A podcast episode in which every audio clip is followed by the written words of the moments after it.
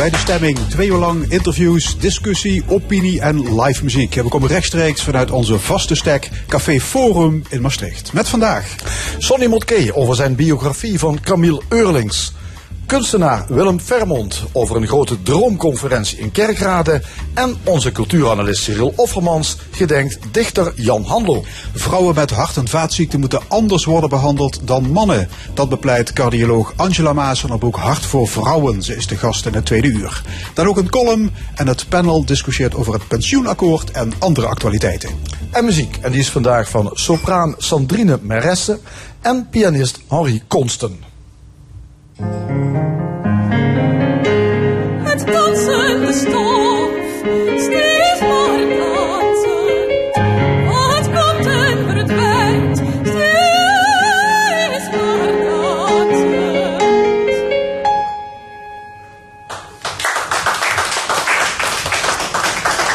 iedereen elke nacht doet is dromen. En wel 70% van onze slaaptijd. Je hebt ze in alle soorten. Van voorspellende dromen tot banale dromen.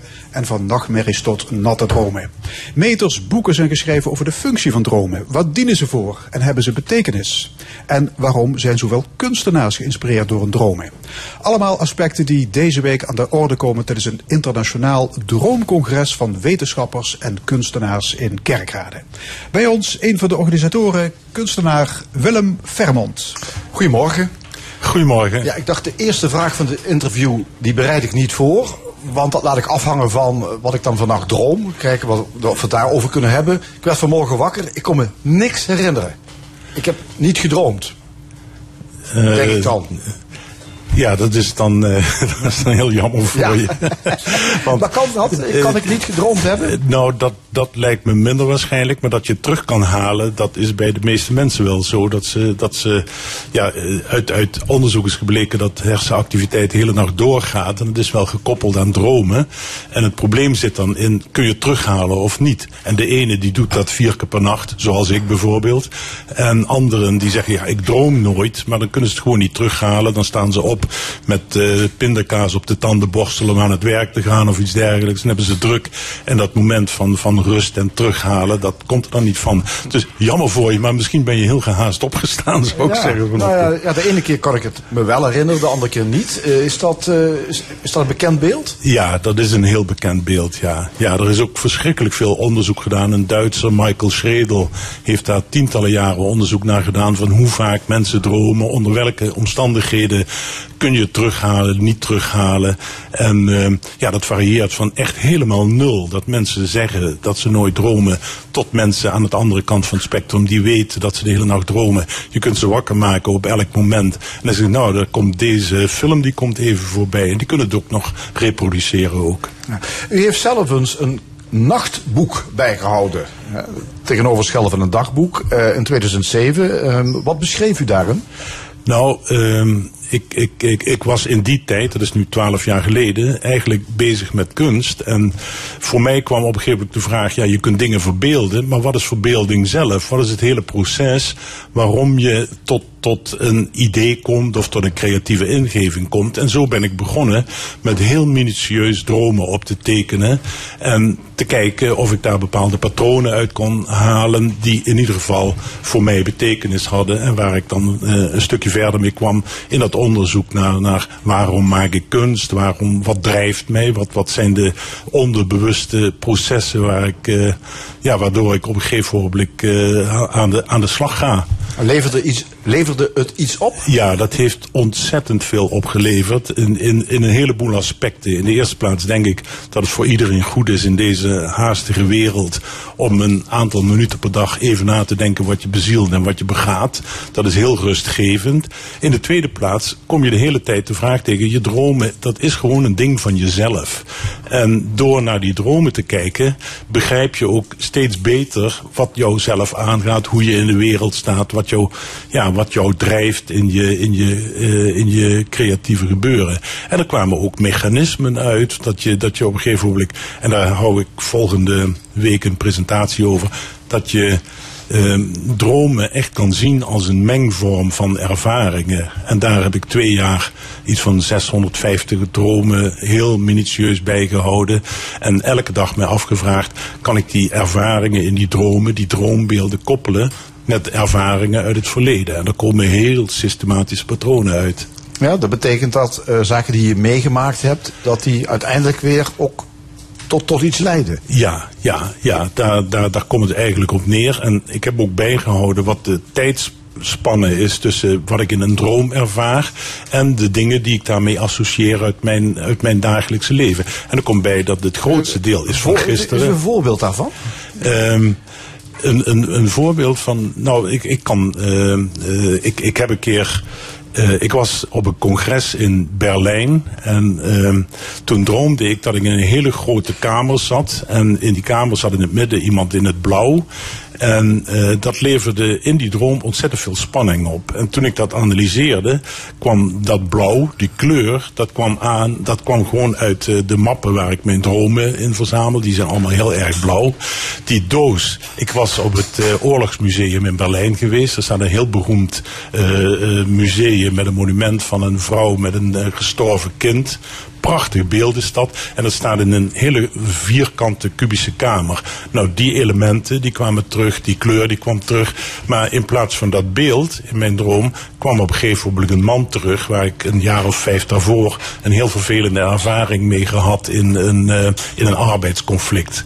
En die emotie die daarbij hoorde, had alles te maken met de emoties, de lading van, van die ontmoeting eh, met, met die, met die eh, betreffende man waar ik dat conflict mee had. Zo vermengt dan een ervaring van gisteren, een kleur die eh, eigenlijk niet aan tijd gebonden is, een emotionele ervaring, dat mengt tot heel nieuwe beelden. En dat kan ik voor 600 dromen wel, wel eh, een beetje aangeven. Niet, niet alles hoor, er zijn Ja. dingen waar ik heel verrast over ben. Ja, eh, dromen doe je trouwens vooral in je remslaap, heb ik begrepen. Hè? Dat is eigenlijk je, je hele diepe slaap. Ja, daar is het mee begonnen. Daar wordt tegenwoordig anders over gedacht. Maar ik weet niet of... eh, het waren Azerinsky en Kleitman in 1953... die op een gegeven moment ontdekten dat in de remslaap... heel veel activiteit is en dat viel samen met rapid eye movement. Daar komt het woord rem vandaan. En toen dacht men dat dat gebonden was aan de remslaap. Intussen is de apparatuur verfijnd, de meetmethoden zijn verfijnd... en nu blijkt dat je eigenlijk de hele nacht door hersenactiviteit hebt... die gecorreleerd kan worden met dromen, droombeelden... en, en eh, ja, in, interne hersenactiviteit. Ja, slaap is alles behalve eh, rust. Eh, Ik bedoel, er gebeurt heel veel eh, tussen je oren dan. Ja, dat gaat hetzelfde als overdag, denk Ja. ik. Dat, is ook, dat, dat heet de continuïteitshypothese. Je hebt ervaringen, die komen allemaal binnen, dag en nacht. En het, he- het brein weet niet van tevoren waar het dat moet plaatsen. En dat is dus, daarom hebben wij denk ik ook zo'n dikke hersenschedel of herseninhoud van anderhalve kilo. Zeker bij mij. Maar die is de hele dag bezig met interpreteren. En het wordt niet overschreven door nieuwe ervaringen overdag. Gebeurt dat, je hebt een ervaring en dan komt er een nieuwe bij. De, maar in de nacht heb je geen nieuwe ervaringen en is dat droomproces eigenlijk een, een heel klein tipje van de sluier wat er echt in je hoofd gebeurt. Het is een permanent eh, reproduceren van ervaringen, het plaatsen, maken van logische dingen. In een droom hoeft dan niet logisch te zijn, maar zo gaat het in mijn ogen dus wel. Ja, en je hebt die bekende dromen die iedereen wel heeft. Hè? Dat je Ja. van een flatgebouw valt. Of dat je probeert te rennen, maar dat je niet vooruit komt. Dat soort zaken. Of dat je opeens weer terug in de schoolbanken zit en te zweten. Omdat je weer tentamen moet doen wat je al lang gedaan hebt. Ja, ja, dat, dat is- dat, dat soort bekende dromen. Hè? Ja, daar is ook ontzettend veel onderzoek naar gedaan. Wat, wat dan de, de, de, de, zeg maar de archaïsche structuur van een droom is. En hoort bijvoorbeeld vallen hoort daarbij. In de vorm van kunnen vliegen. Of je vrij voelen in de lucht. Of zelfs met zwembewegingen in de lucht voortbewegen. Of een trein die door de lucht vliegt. Nou, noem maar op honderdduizenden voorbeelden van ja, mensen die meemaken dat ze, dat ze kunnen vliegen. Ja, En-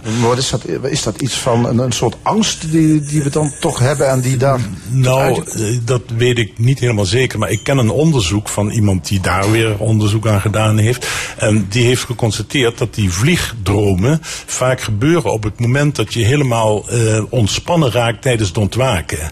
En dan voel je eigenlijk, of je lichaam ervaart dat als een soort gewichtloosheid. Dat is niet zo, maar die hele ontspanning zou dan gerelateerd zijn aan, aan een soort vrijheid van je kunnen bewegen. En Ja. eh, het is wel zwaartekracht is dan even eh, overboord, zeg maar. Opmerkelijk is, als je droomt, weet je ook niet dat het een droom is. Hè? Je ervaart het, je beleeft het alsof het echt is. Ja, ja, ja. Je hebt niet die eh, tegenwoordigheid van geest als je slaapt om te denken van het is maar een droom. Nou, dat, dat is ook weer een, een, een spectrum. Meestal is dat zo wat je zegt. Dat je, dat je dus het als een werkelijkheid ervaart. Wie, wie zou moeten zeggen dat het geen werkelijkheid is? Maar er is een heel klein fragmentje, dat heet lucide dromen. Waar mensen in de overgang van waken naar drama, dan begint dat hele brein weer op te starten. En in die periode kun je wel eens hebben dat je denkt, hé, hey, ik droom. En ik kan, er zijn mensen, ik, ik weet van verschillende mensen dat ze daar zo ervaren in zijn, dat ze hun droom ook kunnen sturen. Dat ze gewoon zeggen, dit bevalt me dus ik ga wat anders doen in mijn droom. Dat is fantastisch. Ja, Eh, er is een congres, hè, dat begint eh, volgende week in uh, Rolduc in Kerkrade. Daar ben je ook bij betrokken als eh, organisator eh, van de International Association for the Study of Dreams. Er komen heel veel wetenschappers. Ik zag eh, iets van 130 presentaties, lezingen Nou, zelfs. Er komen 130 eh, presentatoren en eh, ik denk dat er nog veel. Er zijn een aantal mensen die dubbele lezingen houden over verschillende gebieden. Ik, ik geloof iets van 160 of 170 of zo. Het zijn allemaal mensen die eh, ja, heel specialistisch bezig zijn met onderzoek naar dromen. Ja. Kun je er ook nog als gewone dromer terecht? Eh, Ja, nou ja, zo ben ik daar ook ooit terecht gekomen als gewone dromer. En eh, ja, dat kan. Je kunt je inschrijven voor het congres. Alles is de, informa Ja, de daar- informatie. maar is daar heb je ook nog wat aan. Ik bedoel, of zit het op zo'n hoog wetenschappelijk niveau dat, eh, dat je daar helemaal niet bij kan?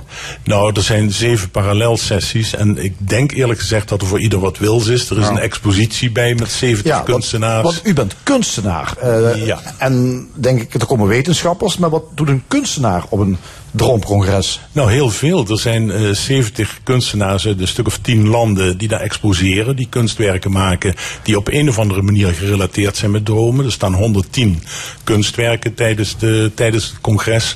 En dat, dat gaat allemaal over dromen. En, en het verhaal is dat heel veel mensen uit hun dromen creatieve eh, inspiratie halen om een, een, een, iets te verbeelden op een of andere manier. Ja, op welke manier doet u dat? Nou, ik doe het omgekeerd. Eh, dat, Oh. nou, ik, het, is ongeveer zo. Ik, ik, ik durf niet te schatten hoeveel dromen ik per, per, per, per jaar heb. Maar dat loopt in de, eh, in de vele, vele honderden. Als ik er allemaal kunstwerken van moet maken, dan wordt het gek. Maar sommige kunstwerken, daar ben ik maanden mee bezig. En het grappige is dan dat die kunstwerken in mijn dromen terugkomen. Heel vervormd, heel, heel, eh, heel anders. En soms levert het dan ook wel nieuwe ideeën op. Maar eigenlijk is mijn dagelijkse werk het maken van dingen. 10, 20 per jaar. En dat komt heel vaak terug. Juist om, ja, omgekeerd als wat mensen vaak verwachten. Komt bij mij dan terug in mijn dromen. Ja, Er al een ook- schetsboekje naast het bed eh, om eh, eh, meteen ja, aan de slag te gaan? Ja, ja ik heb heel vaak een schetsboek bij de hand. Ja, ja, ja. Ja. En dat levert dus, eh, nou ja, dat soort eh, kunst eh, levert het allemaal op wel. Dus, Ja, het is ook. to- toen ik mijn, mijn Ja. dromen heel conscientieus opschreef, maar dat moet je ook geen tien jaar doen, worden we radgek. Toen maakte ik van elke droom een droomtekening. Dus ik heb een dossier van, van, van ik, ik weet het niet precies, drie, vierhonderd tekeningen. In kleur, in mijn, in mijn droomdagboek. En ehm, eigenlijk is dat veel interessanter als de droombeschrijving. Want ik weet niet hoe de mensen hier maar ik droom ontzettend visueel. En mijn droomrapport is eigenlijk een beschrijving van een filmpje of van, van een aantal beelden. Maar als je de beelden zelf bekijkt, dat is eigenlijk veel directer. En er, uit die beelden heb ik ook gedestilleerd dat die heel goed bruikbaar zijn om ervaringen eh, eh, uit het verleden, om die op te pakken en te zeggen: dit komt daar vandaan, dat komt daar vandaan. Dus ik, ik eh, ja, daar amuseer ik me een beetje mee. Ja, nou ja, u, u bent kunstenaar, maar er komen dus ook heel veel wetenschappers. Ik denk Ja. veel mensen, als ze denken aan wetenschappelijk onderzoek, dromen, Freud is wel, wel iemand die snel naar voren komt. Hè? Het, het, het onderzoek van Freud, die toch dromen zag als onderdrukte verlangens of angsten, onderdrukte angsten.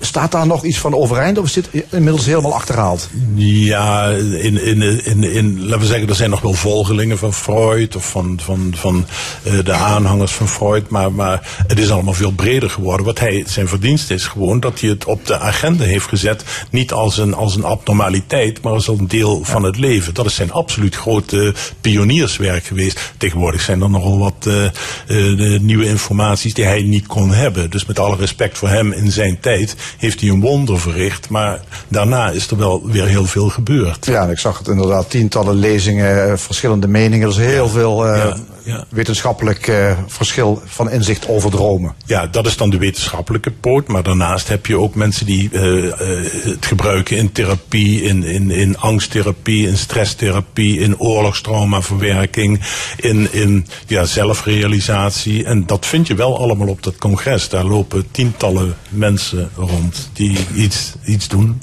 Oké, dank u wel. Willem Vermont. Het Droomcongres in uh, Rolduc is uh, dus volgende week, van volgende week maandag 24 juni tot en met vrijdag 28 juni. Dank u wel voor uw komst. Oké, graag gedaan.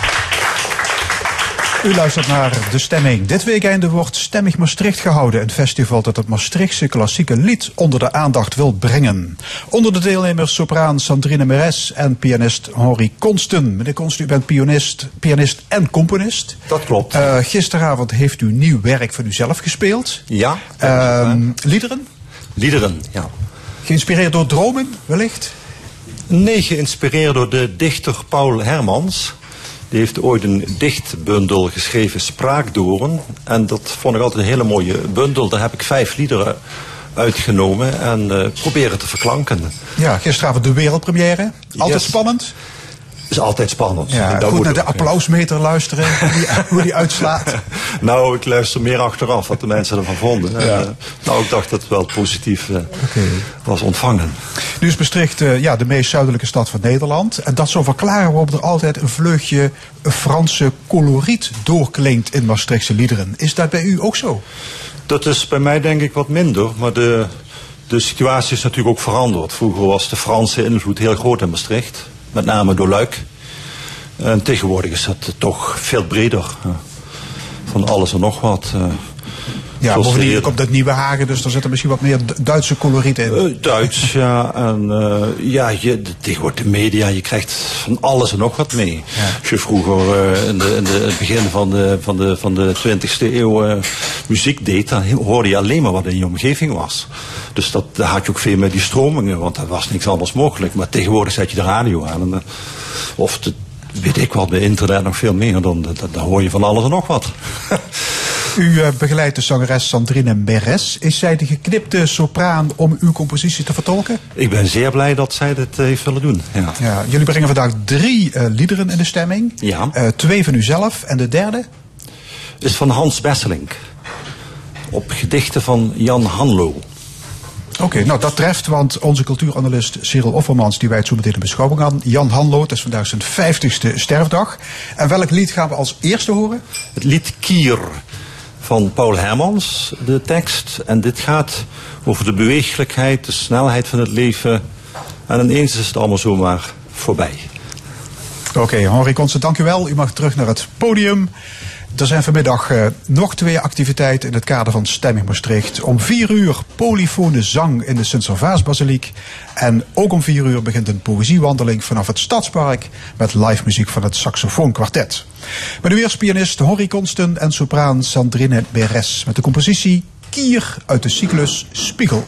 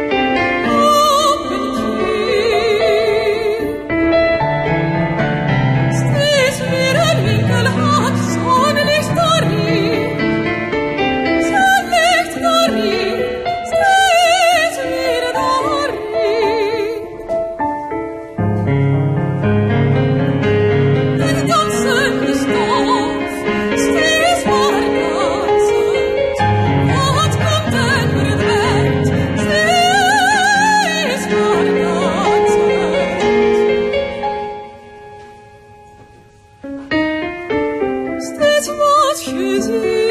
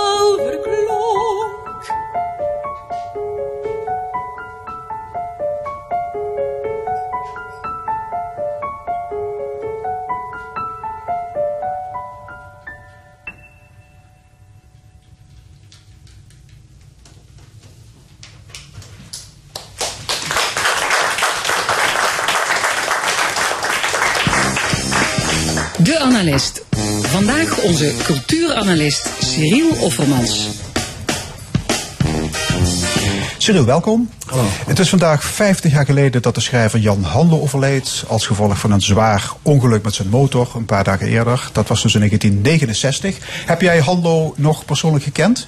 Nee, um, helaas niet. Hij is natuurlijk ook een heel stuk, een half mensenleven ouder. Um, nee, dus ik, um, ik heb hem eigenlijk leren kennen via Bar Barber, het uh, curieuze tijdschrift voor teksten. Beetje een antiliterair toch ook tegelijk literair tijdschrift waarin hij uh, veel heeft gepubliceerd. In de jaren, eind jaren 60 denk ik dat ik hem heb leren kennen. Ja, dat is die tijdschrift toch, hè? Ja, min of meer. Ja. Min of meer. Er stonden dingen van Schwieters in en zover. Zo je dat. Maar toch ook eigenlijk weer niet uh, typisch een avant-garde tijdschrift hoor. Maar, dat, maar goed, er is nou, die verschillen zijn op dit moment waarschijnlijk niet uh, ja. van heel groot belang. Maar weet je nog wat uh, jou aansprak in zijn werk? Waarom was jij onder de indruk? Um, ja, Eigenlijk door heel veel. Het, het, is een, uh, het is een merkwaardig soort naïviteit die je in zijn teksten tegenkomt. En op een gegeven moment uh, ontdek je daar patronen in. En uh, zeker als je ook later, in mijn geval, proza van hem gaat lezen, dan merk je dat er een enorme tragiek schuilt. Ook in die schijnbaar avant-gardistische gedichtjes, waarin telkens vaak maar sprake is van één geluid of een paar hele primitieve geluiden die voortdurend gerepeteerd worden. Um, dat schuilt een enorme tragiek in, ontdek je op een gegeven moment. En die heeft uh, te maken met, ja, met zijn hele levenswandel, zou je kunnen zeggen. Dus je moet, uh, daar heeft hij ook zelf veel over geschreven. Um, dat is pas later, in veel gevallen pas veel later ook gepubliceerd. Was ook eigenlijk vaak niet de bedoeling dat dat gepubliceerd zou worden. Um, maar dat werpt wel een heel duidelijk licht op zijn leven en ook op de aard van zijn werk, voor zover dat niet al ook rechtstreeks uit dat werk zelf blijkt. En ja, eigenlijk is het veel eerder een tragische dichter, ja. vind ik, een tragische schrijver, dan een vrolijke, opgewekte Jan die um, leuke versen, versen schrijft, frivole gedichten schrijft, waar je vooral om kunt lachen. Je kunt er ook wel om lachen, maar dat is toch um, altijd een beetje een bittere lach als je weet uit wat voor soort gemoed het voortkomt. Ja, je gebruikt het woord tragisch, maar bekende gedichten zoals De Mus, hè, dat ja. staat er twintig keer Chilip, ja. of Ote, Ote, Ote, Ote Boe, die kun je toch moeilijk tragisch noemen. Wat, wat bedoel je dan precies? Um, het blijkt zo te zijn dat uh, Hando uh, zijn leven lang geworsteld heeft met het idee dat hij eigenlijk geen volwassen wil, niet volwassen wilde worden. Uh, ook in seksueel opzicht, heel nadrukkelijk. Het zogenoemde Peter Pan-syndroom heet dat toch, hè? Zo wordt dat uh, af en toe genoemd. Ja, ja, ja. dus een, een soort weigering om het leven van een volwassene te aanvaarden, om daarin mee te gaan. Vooral ook in seksuele zin, zoals ik al zei. Um, hij bleek uh, nadrukkelijk last te hebben in zijn geval. Nadrukkelijk last te hebben van pedofiele neigingen. Last te hebben vooral ook omdat hij katholiek was en ook heel erg uh, um, conservatief katholiek. Heeft ook in alle mogelijke rare katholieke tijdschriften gepubliceerd. Naast avant-garde tijdschriften zou je kunnen zeggen. Dus die combinatie is op zich al bijna ongelooflijk. Want ja. avant-garde associeer je doorgaans niet met katholicisme. Zeker niet met een orthodox soort katholicisme. Uh, bij hen was dat wel zo. Want dat, uh, het feit dat hij pedofiele een neiging bij zichzelf waarnam... heeft hem natuurlijk ook dan, juist vanwege het katholicisme... enorme schuldcomplexen bezorgd. Maar om eerst die link met, het, met die poëzie te leggen. Um, in zijn geval gaat zijn verlangen om niet volwassen te worden, gepaard met een verlangen om tot, of het is eigenlijk hetzelfde, de keerzijde daarvan, om, tot om voortdurend tot de kinderwereld te kunnen behoren. En dat kan natuurlijk niet als je volwassen bent, maar je kunt wel proberen die kinderwereld te imiteren. Dus hij werd voortdurend ook gepijnigd door een heel sterk regressief verlangen naar een kinderlijk bestaan, dat hij eigenlijk toch tegelijkertijd, waarvan hij wist dat hij dat tegelijkertijd niet echt kon realiseren. Maar in zijn poëzie um, heeft hij veel van wat hij zelf ook gewoon kinderlijke brabbeltaal noemde. Het werd niet alleen door tegenstanders zo spottend genoemd, maar hij heeft het zelf ook vaak genoeg in vergelijkbare bewoordingen zo genoemd. Uh, dat, dat, is een, dat is vaak een poëzie die uitsluitend bestaat uit kinderlijke klanken onbetekenende klanken. En betekenisloosheid of dingen die niks betekenen, associeerde hij dan weer met, het, met de kindertaal. Er mocht ook vooral niet een soort redelijkheid in zitten die van, van vormkracht getuigde, of die van een soort interpretatiezucht getuigde, want dat is weer iets wat bij een volwassen wereld behoort. Dus vandaar dat die klankdingen van hem, ehm, ja, ze zijn onbegrijpelijk, in zover dat het eigenlijk alleen maar geluiden zijn, onomatopeeën zou je kunnen zeggen. Hè? Geluiden van eh, rechtstreeks aan de natuur van de dingen ontleend, of aan de natuur van de dieren ontleend, en die op schrift gesteld. En de hoop dat hij daarmee iets van die kinderlijke wereld ook een tijdje in zijn eigen hoofd kon realiseren. Volgens poëziecriticus Guus Middag past Hanlo bij geen enkele literaire stroming. Hij schrijft zijn oeuvre ziet eruit als een bloemlezing uit het werk van heel veel verschillende dichters, uit heel veel verschillende tijden en talen. Het lijkt wel of hij per gedicht helemaal opnieuw begint. Vind je dat, ook? Nou ja, dat klopt wel. Dat hangt, heeft, heeft trouwens ook maar heel weinig geschreven. Hoor. Je moet er niet, moet er niet denken dat het om uh, uh, grote, dundrukdelen gaat. Ja, van zijn werk is, uh, is niet zo al, al te dik. Vooral zijn poëzie is heel gering van omvang. Is er ook op een gegeven moment al vrij vroeg mee opgehouden. Ik weet niet precies wanneer, maar al in een vrij vroeg stadium. Voor, voor van zijn vijftigste. Ja, dat zou kunnen. En daarna heeft hij ledig proza geschreven. En dat... ehm ik vond eerlijk gezegd, zoals ik al zei, vooral het, het aanvankelijk niet gepubliceerde proza het interessantst. Uh, maar inderdaad, hij begint telkens opnieuw, omdat hij ook niet een soort continuïteit in zijn ontwikkeling kende. Ja. Dat, wel, dat bij een volwassen leven hoort. Hè? Een die, kind begint altijd opnieuw. Ja, in de jaren 50 werd zelfs gedacht dat Hallo niet bestond. Dat het een collectief pseudoniem was van de vijftigers. Ja, dat zou ja, gekund. Ja, nou. Zullen we even luisteren naar zijn stem? Ja, dat is goed. Prima. Uit het ROZ-archief Jan Hanlo in 1962.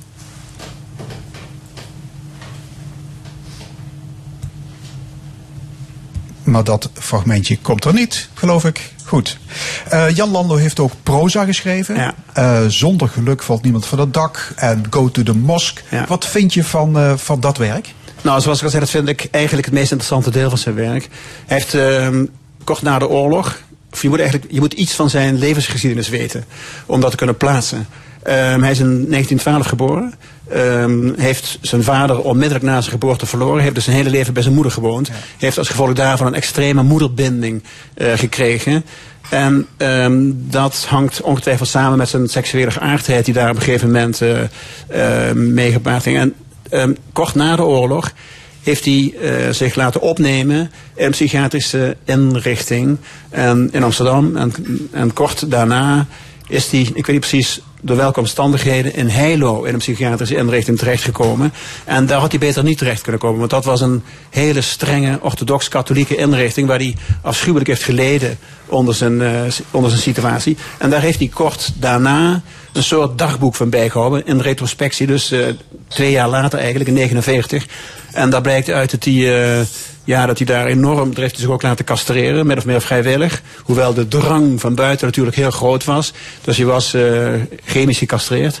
Maar dat betekent nog niet dat je dan ook je verlangen en alles wat er zich in je hoofd afspeelt uh, kunt stopzetten. Dat gaat gewoon door, blijkbaar. En in ieder geval in zijn geval was dat zo. En in uh, Zonder Geluk valt niemand van het dak is eigenlijk een soort schrijnend relaas van zijn pijnlijke ervaringen in die inrichting in Heilo. En uh, ja, dat, is, uh, dat schrijf je naar de strot als je het leest, omdat het uh, gepaard gaat met onwaarschijnlijke schuldgevoelens en met onwaarschijnlijke soorten, ook fysieke pijn, allerlei soorten pijn. En daar is hij dus op een gegeven moment ook weer uitgekomen. En ik zei al, hij heeft zijn geaardheid daardoor niet verloren. Zijn hele leven is hij, dat, is hij pedofiel gebleven, zonder, zonder overigens zelf of ik moet zelfs zeggen dat hij heel nadrukkelijk geen pedoseksueel wilde zijn. En dat maakte natuurlijk ook heel kras. Dus hij voelde wel die neiging, maar hij had eigenlijk alleen maar de neiging om jongetjes uh, te willen beschermen. En ze een geborgenheid te geven. En ze uh, vooral niet ook met de, met, de, met de harde wereld van, van volwassenen in aanraking te brengen. Ja. Dus dat, dat is een hele curieuze zaak. Ik weet niet of dat bij pedofielen vaker het geval is, maar in ieder geval in zijn geval zeker. Dus hij had, en je mag hem ook niet vergelijken daarom met al die uh, met, wij, wij associëren het woord pedofilie tegenwoordig met allerlei gruwelijke netwerken. En dat is, is in zijn geval zat daar een totaal andere intentie achter. Dat blijkt ook uit zijn geschriften. Want het is niet, speelde dat ook absoluut niet. Want dat zijn ook geschriften die niet voor publicatie bedoeld waren, voor een deel. En dat blijkt het ook heel nadrukkelijk uit. Dat hij voor die jongetjes, want hij was een homoseksuele pedofiel. Je hebt ook uh, heteroseksuele pedofielen, maar dat was in zijn geval niet zo. Ehm, en hij heeft vooral geprobeerd om die kinderen te beschermen. En om ze een leven te geven dat nog niet werd besmet en in, in, in de hardheid van de volwassene wereld terechtkwam. En dat blijkt bijvoorbeeld heel duidelijk uit het uh, laatst genoemde boek dat je net, uh, de Go to the Mosque heet dat. Dat heeft hij in 69 geschreven, na een verblijf van ik weet niet precies hoe lang, enige tijd in Marokko. Marokko gold destijds als een soort Eldorado voor homoseksuelen. Heel veel mensen die in West-Europa niet aan het trekken kwamen, gingen naar Marokko. Ook allerlei beroemde buitenlanders schreven daar. Rollo Bart bijvoorbeeld heeft daar ook over geschreven. Heel mooi over geschreven trouwens ook. Um, hij ging naar Marokko en trof daar, een, trof daar een hele verdorven scene aan van arme kleine jongetjes die zich allemaal opdrongen aan westerse toeristen die voor veel geld seksuele diensten wilden bewijzen. Um, hij wilde wel zo'n jongetje hebben, maar geen seksuele diensten van het jongetje aannemen. Uh, op een gegeven moment was hij bevriend geraakt met een jongetje dat Mohammed heette. Althans, hij noemt het Mohammed. Ik weet niet zeker of hij ook echt zo heette. 12, 13 jaar oud, geloof ik. Heeft hij ook meegenomen naar Nederland. Wat natuurlijk heel ja, dom was eigenlijk. Jongetje heeft hier een tijdje uh, rondgelopen. Uh, in Go to the Mosque staat een fantastisch mooi... Vind ik een van de meest ontroerende fragmenten uit zijn hele werk. Waar hij dit jongetje op een carousel zet. Waar hij eigenlijk al veel te groot voor is. Is 13 jaar. En, die, en hij ziet hem op die carousel ronddraaien. En raakt zelf bijna aan het huilen van ontroering. Dat hij dat jongetje dat plezier kan gunnen. Want het jongetje gaat helemaal op. Hoewel die, die carousel, ik zei al, die, dat, dat is eigenlijk voor veel kleinere kinderen bedoeld. Maar het is blijkbaar een heel aandoenlijk gezicht voor hem. Nou ja, goed, in ieder geval, dat soort dingen staan in Go to the Mosque. En dat, is, dat vind ik dus een heel ontroerend boek. Maar het pijnlijke is dat hij op een gegeven moment het jongetje natuurlijk weer moest laten gaan. Want hij mocht dat helemaal niet uh, meenemen naar uh, Nederland. En uh, dat was in 1969. Twee weken later heeft hij dat uh, motorongeluk gehad. En is hij een paar dagen later overleden in uh, Maastricht. Oké, okay. maar jij zegt lees het werk van Jan ja. Het is altijd springlevend, niet verouderd. absoluut springlevend. En okay. uh, het, is een, ja, het is gewoon heel mooi, ontroerend werk. Ja, de cultuurtip moeten we even laten zitten, Cyril, wegens tijdgebrek. Maar je wilt tot slot nog een postume groet brengen aan de afgelopen maandag overleden Limburgse meesterdrukker Cor Rosbeek. Ja, één zin, niet meer dan dat. Uh, Cor Rosbeek, meesterdrukker uit Nut. een postume groet aan hem. Aan hem hebben we als lezers van, en van, van liefhebbers van het mooie boek enorm veel te danken. En ik zou zeggen dat die mogen rusten in vrede. Cor Rosbeek. Cyril Offermans, dankjewel. En dit is al één met de stemming. Elke zondag van 11 tot 1 vanuit Café Forum in Maastricht. En we blijven nog even bij Jan Handel, want een gedicht van hem is op muziek gezet door Hans Besselink. Het gedicht heeft geen titel, uh, wel de hele mooie zin Knoop de mist tussen je bomen. En we gaan luisteren naar de uitvoering van Sandrine Meres en Henry Konsten.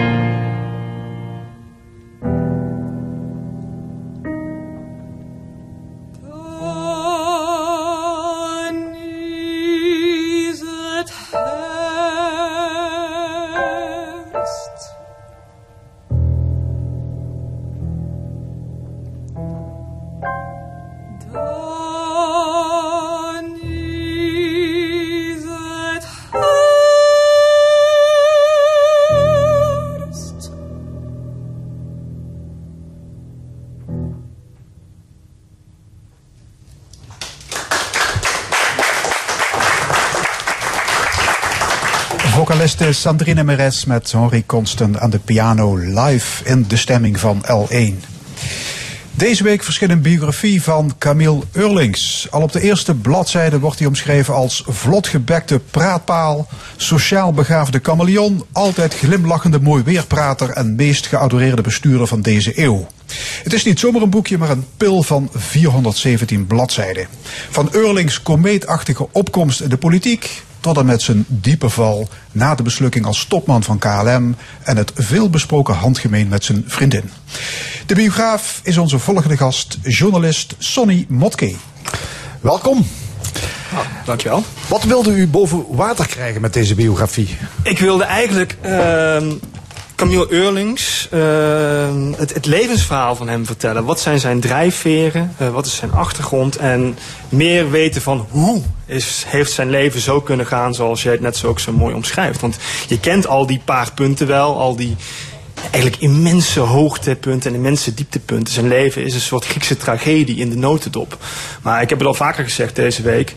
Het is heel erg eendimensionaal zoals Camille Eurlings is geworden. Een soort slapstick figuur. Ook alle mensen hier die kennen hem wel, maar die gaan meteen een scène nadoen. Hoef maar zo te doen eh, naast mijn hoofd en je weet wat ik bedoel. We Ja, dan breng je zo'n soort militaire groet ja, dan eh, weet je wat ik aan bedoel. hè? slapen. hè? Ik wist Maxime Verhagen nu eigenlijk, maar dan, dan weet je welk kantje op gaat. En ik miste eigenlijk het relief, eh, de achtergrond in zijn verhaal. Heel veel mensen weten dat niet. Hier in Limburg weten mensen nog wel wie zijn ouders zijn, denk ik. hè. Martin Eurlings, bijna net zo beroemd. Maar boven de rivieren, heel veel mensen weten niet eens wat zijn achtergrond is. Hij was er gewoon, hij was weg.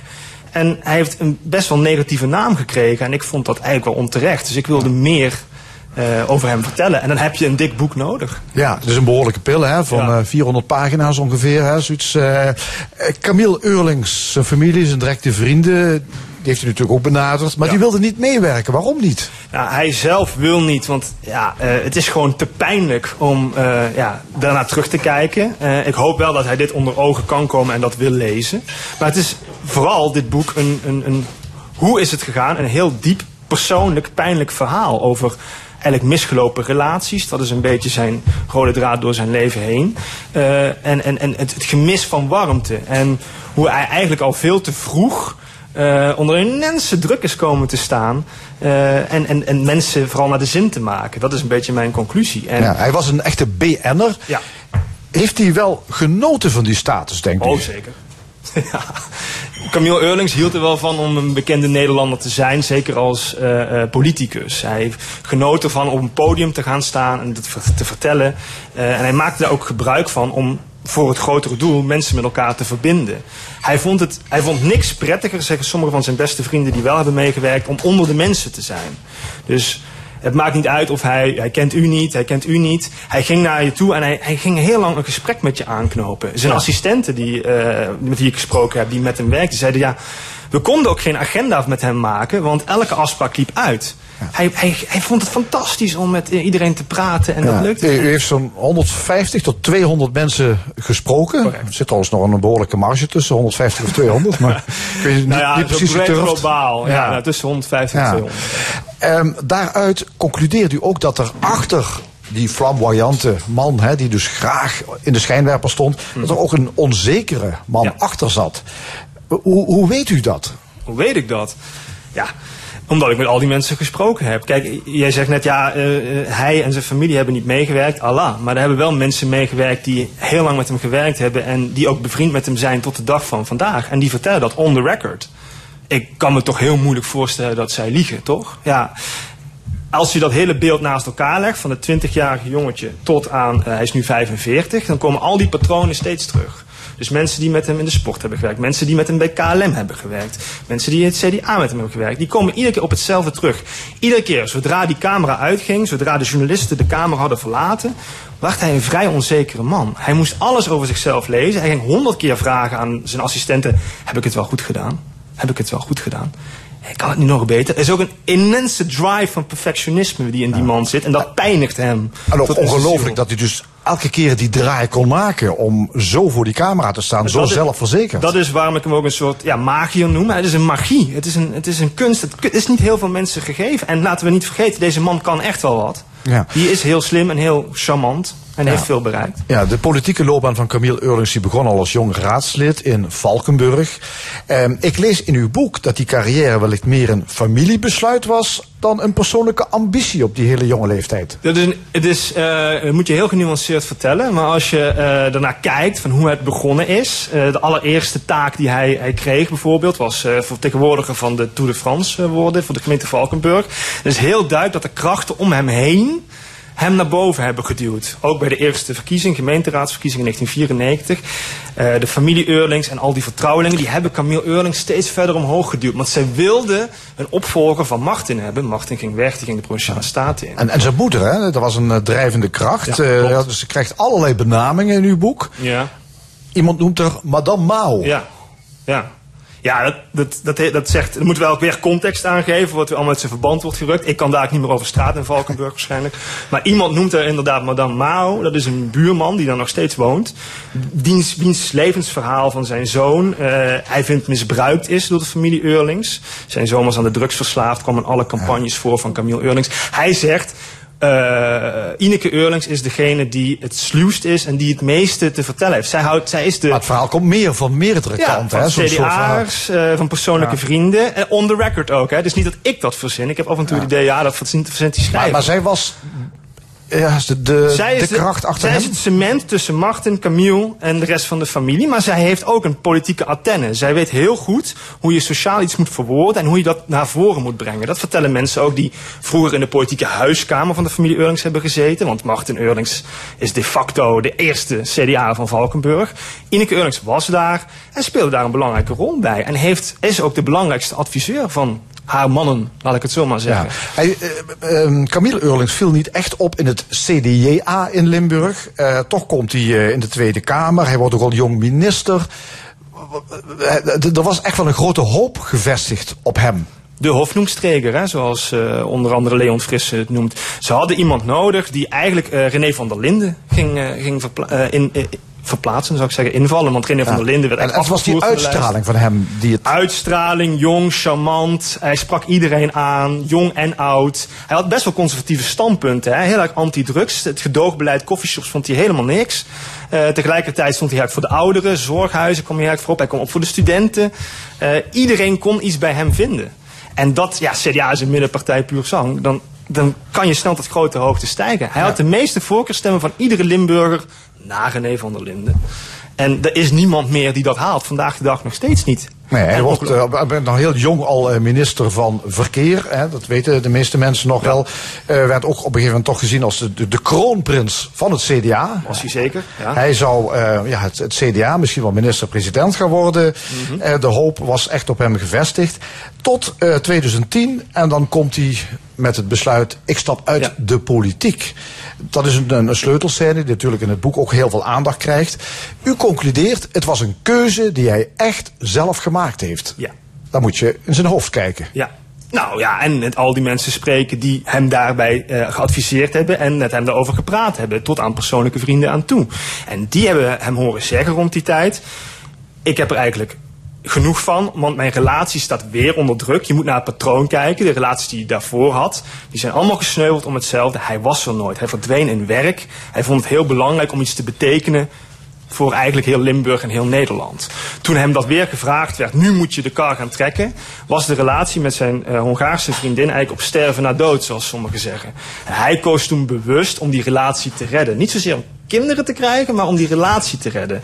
En dat heeft hij gedaan. En ik noem dat het beste besluit dat hij ooit genomen heeft. Want hij noemt het uit zichzelf. Heeft, niemand heeft hem geadviseerd dat te doen. Sterker nog, familievrienden in het boek On the Record zeggen... zijn ouders waren verbijsterd.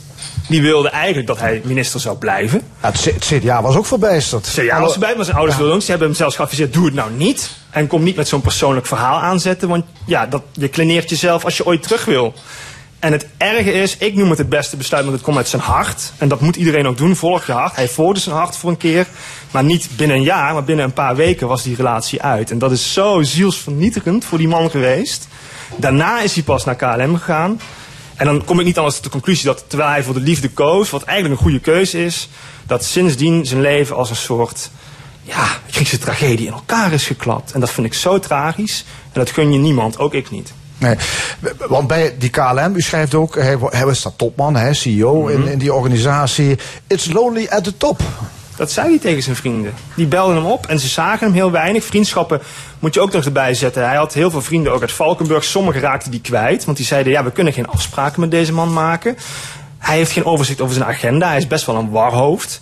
Eh, omdat hij zo druk is. Iedereen wil wat van hem. Jij wil ook wat. Iedereen wil een stukje van hem. Het ging trouwens zelfs zo ver dat hij vaak niet kwam opdagen bij vergaderingen. Ja, maar dan vind ik het wel. Ik ga daar nu, ik ga daar nu even eh, voor hem opnemen. Want ik vind ook nu ook in de krant, dat wordt dan eruit gelicht. Hij kwam dan heel vaak niet opdagen. Ja, hij was er inderdaad soms niet. Maar hij was tegelijkertijd wel altijd on the road om de eh, verbanden te leggen met de politiek en met vakbonden om die mensen bij elkaar te Maar brengen. hij was vaak kwijt. Hij was vaak kwijt, ja. Omdat mensen geen overzicht over zijn agenda hadden. En mijn conclusie daarvan is dat hij dan dat privé toch weer met het zakelijke probeerde te combineren. Want dan was hij in Brazilië eh, om een geweldig verband te leggen met eh, Gol Airlines, een Braziliaanse luchtvaartmaatschappij. Maar wat deed hij? Dan ging hij daarna ging hij het strand op met zijn vriendin die hij toen had. Ja, dat ging hij dan niet intern delen. En dan, daarom waren mensen hem kwijt. En dan staat er een mysterie rondom die man. Nou, je kent alle geruchten en roddels wel. Ja, nou ja, ik, weet mooie- ook nog, ik weet of je die ook nog wil afgaan. Nou, nou maar, ja, eh, goed, een mooie vrouw, daar omringde hij zich mee. Hè? Dus, eh, Ja, precies. Dat was natuurlijk, eh, maar daar loopt het ook spaak mee natuurlijk. Ja, het is toch een scène die ook in het boek natuurlijk uiteindelijk beschreven wordt. Hè? De mishandeling, de, het, het, het handgemeen met, met die vriendin op dat moment. En dan klapt eigenlijk zijn hele carrière in elkaar. Hè? Want hij is al weg bij de KLM. Hij zit dan nog bij IOC, NSF. Maar uiteindelijk, ja, eh, het, het is gewoon niet handhaafbaar. Ja, nee, maar je ziet eigenlijk, en dat is de conclusie, de tragische van dit verhaal. Iedereen kent dat moment, hè, de mishandeling, dan gaat het mis. Maar ik laat eigenlijk zien dat het eigenlijk al ver daarvoor scheef zat. Het was een Titanic die op een gegeven moment moest zinken. Dat privé heeft zo hem gedomineerd van binnen, die onzekere kant. Die, ook als succesvol minister was hij al heel onzeker en heel gepijnigd. Alleen wij zagen het niet. En naarmate de tijd vordert zien we het wel. En dan stort hij langzaam in, dan komt het tot een conclusie. Alles komt samen bij die eh, mevrouw die, die ja, inderdaad een handgemeen mee heeft ge- gehad. Die, die, die roept er nog wat naast tegen hem. En dan kan hij het niet bolwerken. En hij kan het ook niet goed maken. Hij heeft nog geprobeerd die relatie te redden. Hè? Dat staat ook nog heel duidelijk Ja, in. hij- Op alle hij- mogelijke manieren. Het, het is allemaal te vroeg en te snel gekomen, zijn zijn successen. Ja. Nou ja, te vroeg, te snel. Kijk, hij, hij was heel goed en hij kon het ook. En heel lang eh, in de politiek heeft hij het ook heel goed gedaan.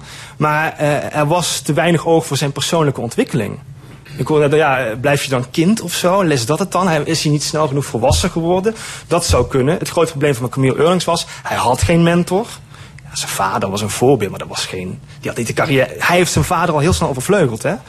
Eh, hij had geen mentor en hij wilde ook niet altijd luisteren. Als hij nou iemand had gehad met wie hem dat kon begeleiden, naar wie hij zou luisteren, denk ik dat hij meer rust had gevonden en meer balans. Maar omdat hij zo jong was, hij was gewoon een kindster. Eh, en dat, het boek is ook een waarschuwing voor de toekomst. Ik heb heel veel mensen gesproken die zeggen, het is goed dat je het schrijft. Het moet ook een waarschuwing zijn voor de, waarschuwing voor de toekomstige generatie CDA's. Die nog een keer, want ze zijn er in Limburg, die zo jong succesvol zijn. Bouw een stabiele basis. Ga niet te snel. Je mag ook een keer een, een, een, een treden naar beneden klimmen voordat je weer omhoog. Maar Camille moest altijd het hoogste, het beste, het snelste. Dat werd ook van buiten op hem gelegd. Het is ook hem aangedaan. Hij heeft zelf fouten gemaakt. Het is een combinatie. Maar ik zeg, de druk is wel heel erg, zeker uit Limburg, op hem gelegd. Ja, hij is nog, eh, hoe, hoe oud is hij nu? 45. 45. En En, mensen eh, spreken over of hij dood is, hè? of Ja. hij 75 is. Hij is pas 45. 45. Waar, waar is hij nu trouwens? Kadastrale data leidt naar eh, Malta. Daar zou die resideren. Dat zou dan uit fiscaal oogpunt zijn. Eh er zijn nu ook journalisten al die Er al zit een appartementencomplex met een naam, noem het even. Mees, Doolhof. Het Doolhof, is echt waar, ja. je verzint het niet. Ik, ik, ik, ik kan er bij mijn hoofd niet bij. Er zijn nu al journalisten die ook alweer aan het speculeren zijn dat hij op retraite zou zijn geweest in een klooster. In ieder geval, hij heeft zich teruggetrokken van de- de- deze samenleving. Hij, af en toe in Valkenburg wordt hij nog gezien, maar hij is dan niet meer de bravoure zelf. Hij is een normale sterveling geworden, die zich ook niet meer echt omringt met veel mensen. Dus maar een handvol vrienden. heeft, heeft hij nog kans om terug te komen? Kan hij bijvoorbeeld nog ergens burgemeester worden of zoiets? CDA in het boek zeggen van wel, hè? Zelfs Dries van Acht. Maar ook eh eh, Annie Schreier-Pierik, eh Rut Peetoom, de nieuwe voorzitter van het CDA, die wil weer banden leggen met ver- verloren zonen. Nou, hij is er één van. Ze zeggen hij kan het, maar hij moet over een drempel heen stappen. En dan moet hij ook zelf toch nog een keer iets zeggen over zichzelf. Want de eerste beste persconferentie als hij waarnemend burgemeester in Horst aan de Maas is, is eh, zo Camille, hoe is het nou? Dus hij moet daar overheen. En dan moet hij anderen vergeven, inderdaad. Eh, maar mensen moeten ook hem een beetje vergeven. En dat is wat Jos Som in het boek terecht zegt. Dankjewel, Sonny Motke. Het eh, boek, nou nog één keer de titel. Camille, opkomst en ondergang van een zondagskind. Dank Straks in de stemming van L1 het vrouwenhart. Want eh, de cardiologie moet vrouwvriendelijker worden. De gast is Angela Maas. Verder het discussiepanel, een column van Jos van Wersch en muziek van het klassieke duo Meres en Konsten. Blijf luisteren, tot zometeen.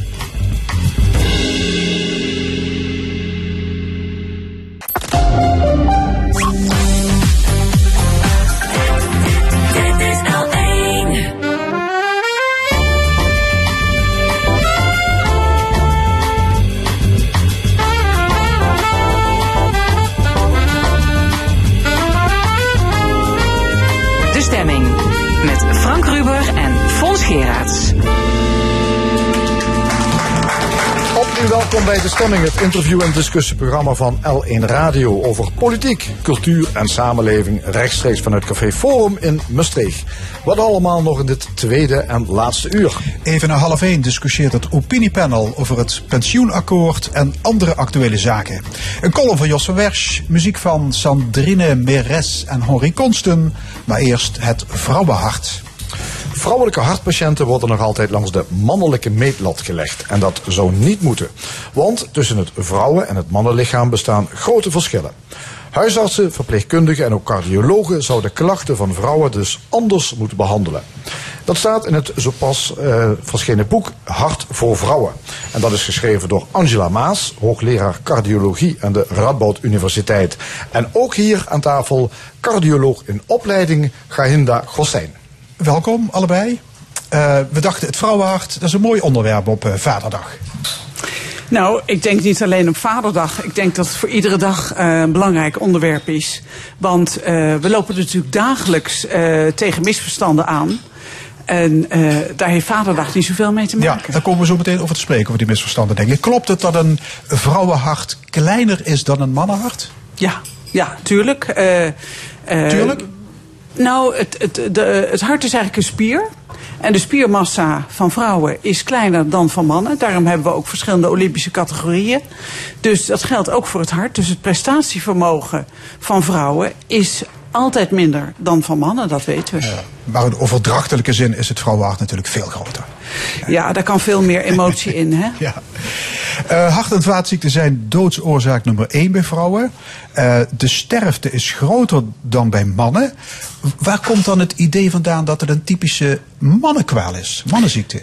Nou, dat, dat is van oudsher zo gegroeid. Eh, het is natuurlijk zo dat de cardiologie in de jaren eh 60, 70 eh, vooral ontwikkeld is door en voor mannen.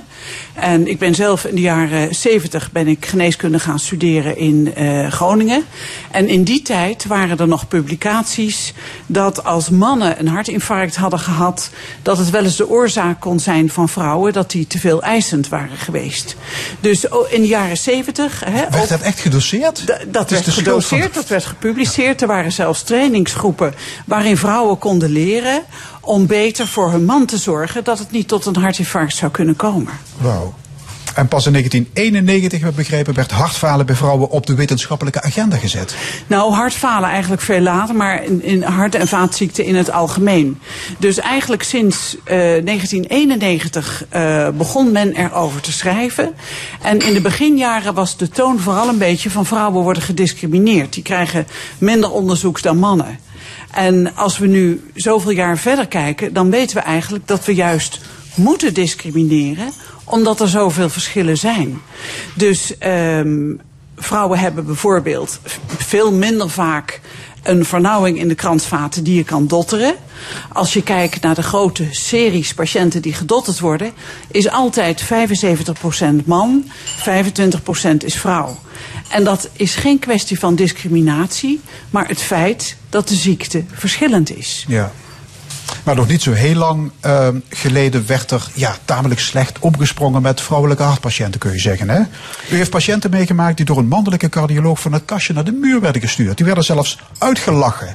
Aanstelleritis werd gezegd. Nou ja, eh, sterker, ik heb morgen weer een spreekuur en ik zal ze daar opnieuw weer aantreffen. En dat heeft natuurlijk mee te maken dat eh, dit belangrijke thema, seks- en genderverschillen. Hè, gender is vooral een beetje, heeft te maken met eh, gedrag en eh, positie in de maatschappij. Seks is echt biologische verschillen. Dat dit nog steeds geen verplicht onderdeel is in de opleiding tot cardiologie. En zolang dat niet gebeurt, zullen we ook nieuwe generaties cardiologen blijven houden. die niet goed met onze vrouwelijke patiënten omgaan. Is ja, de afgelopen 40 jaar veel veranderd. Maar zegt u, nog steeds worden vrouwelijke patiënten langs de mannelijke meetlat gelegd. Ja. En wat betekent dat concreet? Dat betekent gewoon dat je eh, eigenlijk geld over de balk gooit. doordat je het verkeerde onderzoek bij de verkeerde doelgroep eh, gaat doen. Dus je moet altijd kijken als je geld investeert in onderzoek. dat dat ook zinvol is in de groep die je gaat onderzoeken. Hè, ik, als voorbeeld bijvoorbeeld met pijn op de borst. dan is altijd het eerste wat er gebeurt een fietstest.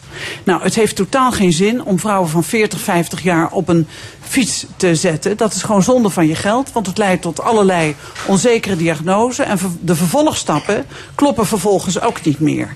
Dus daarna ga je een hartkatheterisatie doen op zoek naar een vernauwing die er ook niet is. Dat weet je van tevoren al.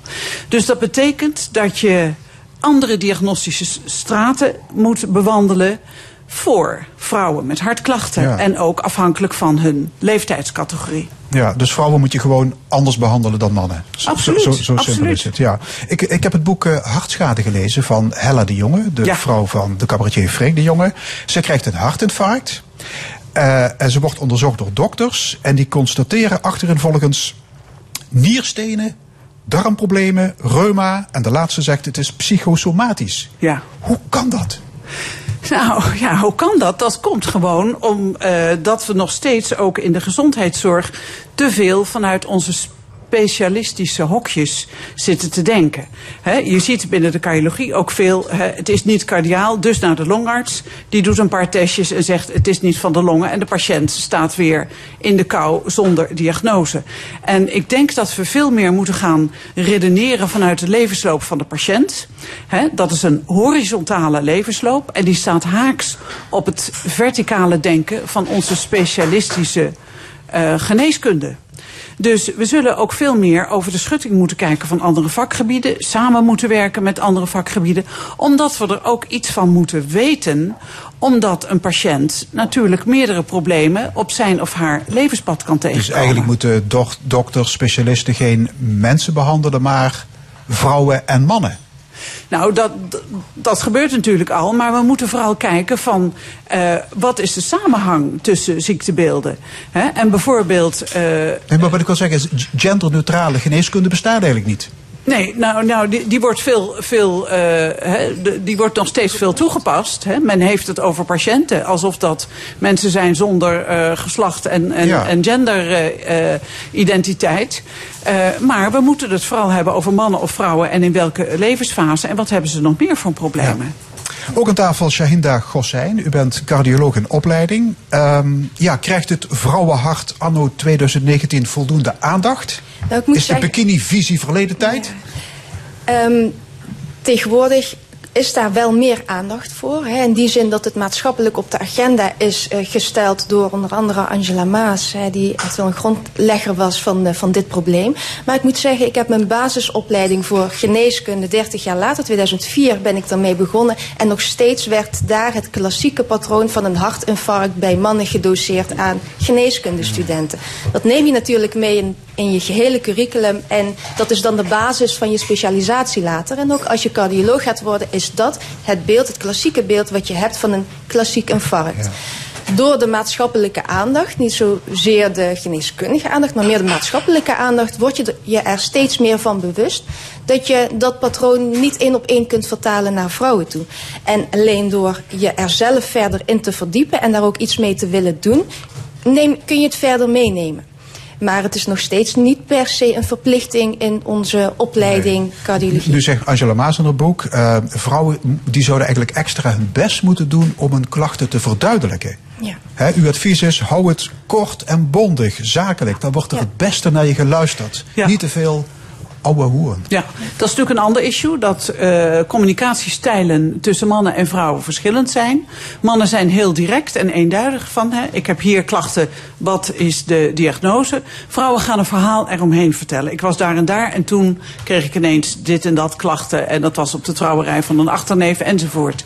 Eh, en dan is die dokter al met zijn gedachten ergens anders. dan zit de dokter alweer eh in de computer te kijken of iets anders te doen. Ehm, dus als je gehoord wil worden, moet je proberen dat je even voorbereidt van waar ga ik het over hebben. En zo direct mogelijk communiceren. En ook de vragen die je hebt aan de dokter, probeer die voor te bereiden. Dus ik heb patiënten die komen met hele dossiers de spreekkamer binnenwandelen. Een spreekuur met een vrouw duurt ongeveer, eh spreekuren met vrouwen du- duren twee keer zo lang als met mannen. Ja. Dat zijn de problemen inderdaad rondom eh, de, de ziekte. Hè, rondom het moment dat je hart- en vaatziekte hebt. Eh, de, de, het atypische klachtenpatroon, maar ook tekortschieten van diagnostische eh, methodes en tekortschieten van therapieën. Ja, wat, wat natuurlijk helpt, als ik even mag onderbreken, is meer vrouwelijke cardiologen. Nou, je hoopt natuurlijk dat het ook dat dat niet per se alleen vrouwelijke cardiologen hoeven te zijn. Dat ook mannelijke cardiologen interesse en extra expertise gaan ontwikkelen in hart- en vaatziekten bij vrouwen. Want uiteindelijk ben je wel dokter voor, voor de mens en niet voor vrouwen of voor mannen.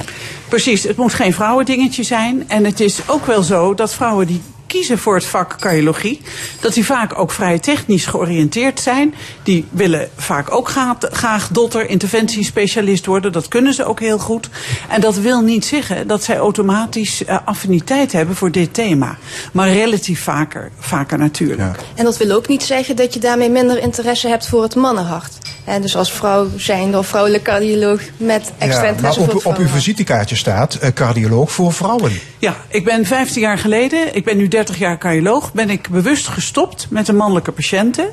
Want toen wist ik wel dat mannen en vrouwen verschillend waren. Maar ik wilde ook kijken, waarom zijn vrouwen en vrouwen nou verschillend? Want al die vrouwen, vrouwelijke patiënten moeten we ook niet op, eh, op één hoop gooien. Nee, Want er zijn ook, vrouwen eh, bijvoorbeeld met een hoog risico, vrouwen met een laag risico. En eh, die kan je vaak al op jonge leeftijd van elkaar onderscheiden. Ja, u zei laatst in een, eh, in een interview, toen had u het over de macho-cultuur binnen uw beroepsgroep. En u zei toen, de grootste horkerigheid is er wel vanaf. Maar als je als lief, zacht gekookt ei cardioloog wilt worden, red je het niet. Nee.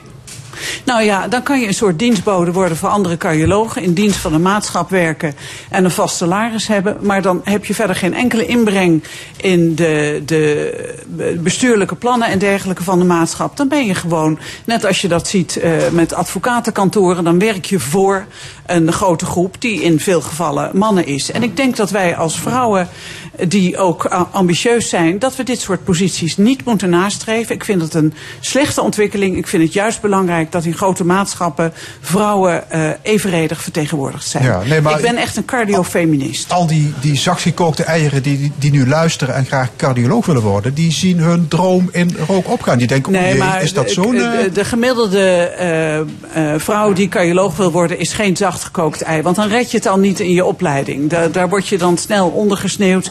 Dus ik denk, en ik ben ontzettend blij dat vrouwen van nu, en zoals jij ook, Shainda, eh, dat zijn mondige eh, dames. En ik denk dat we die heel hard nodig hebben om eh, de toekomst van het vak eh, goed te bestendigen. Ja, macho-cultuur in de beroepsgroep? Ja, goed. Ik zit natuurlijk midden in mijn opleiding, dus ik moet oppassen met wat ik allemaal zeg. Maar Nou, daar heb je het alweer.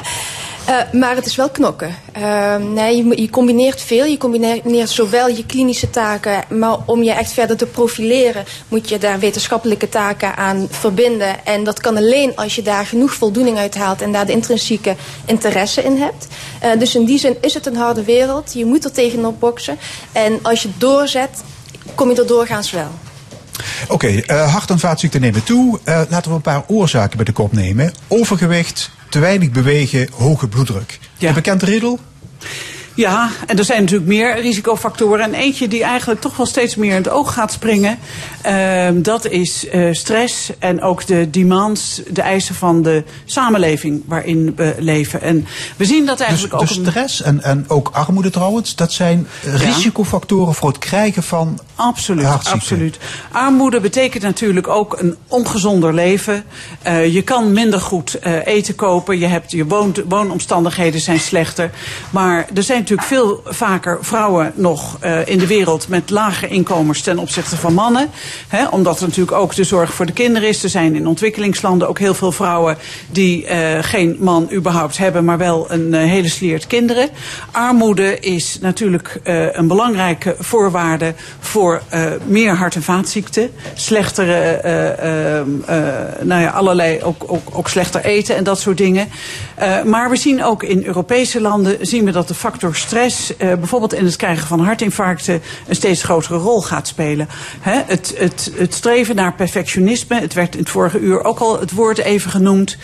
Je moet alles fantastisch kunnen. Uh, uh, de, de, de, de eisen die je in het bedrijfsleven worden gesteld, maar ook kinderen. De, de, kinderen moeten ook allemaal, ik weet niet wat. En je moet op een gegeven moment ook als individu zeggen van nou, ik kan niet alles perfect doen, ik laat wat varen. Want we zien echt een bepaald soort hartinfarcten, bijvoorbeeld een scheur in een kransvat. Dat komt voor 90, meer dan 90 procent voor bij vrouwen. Jonge vrouwen, leeftijd, echt een piek in de leeftijd van uh, tussen de 50 en de 60. En dat zijn jonge vrouwen die heel veel ballen in de lucht moeten houden. En die krijgen ineens een scheur in een kransvat. Dat is een hartinfarct. En uh, we zien dat meer en meer. En daarin speelt stress een hele hmm. grote rol. Ja, dan de voeding speelt ook een hele belangrijke rol. Hè? Ja. Uh, we eten te veel koolhydraten en suikers, we drinken te veel alcohol. Ja. Gezond en matig eten is het beste.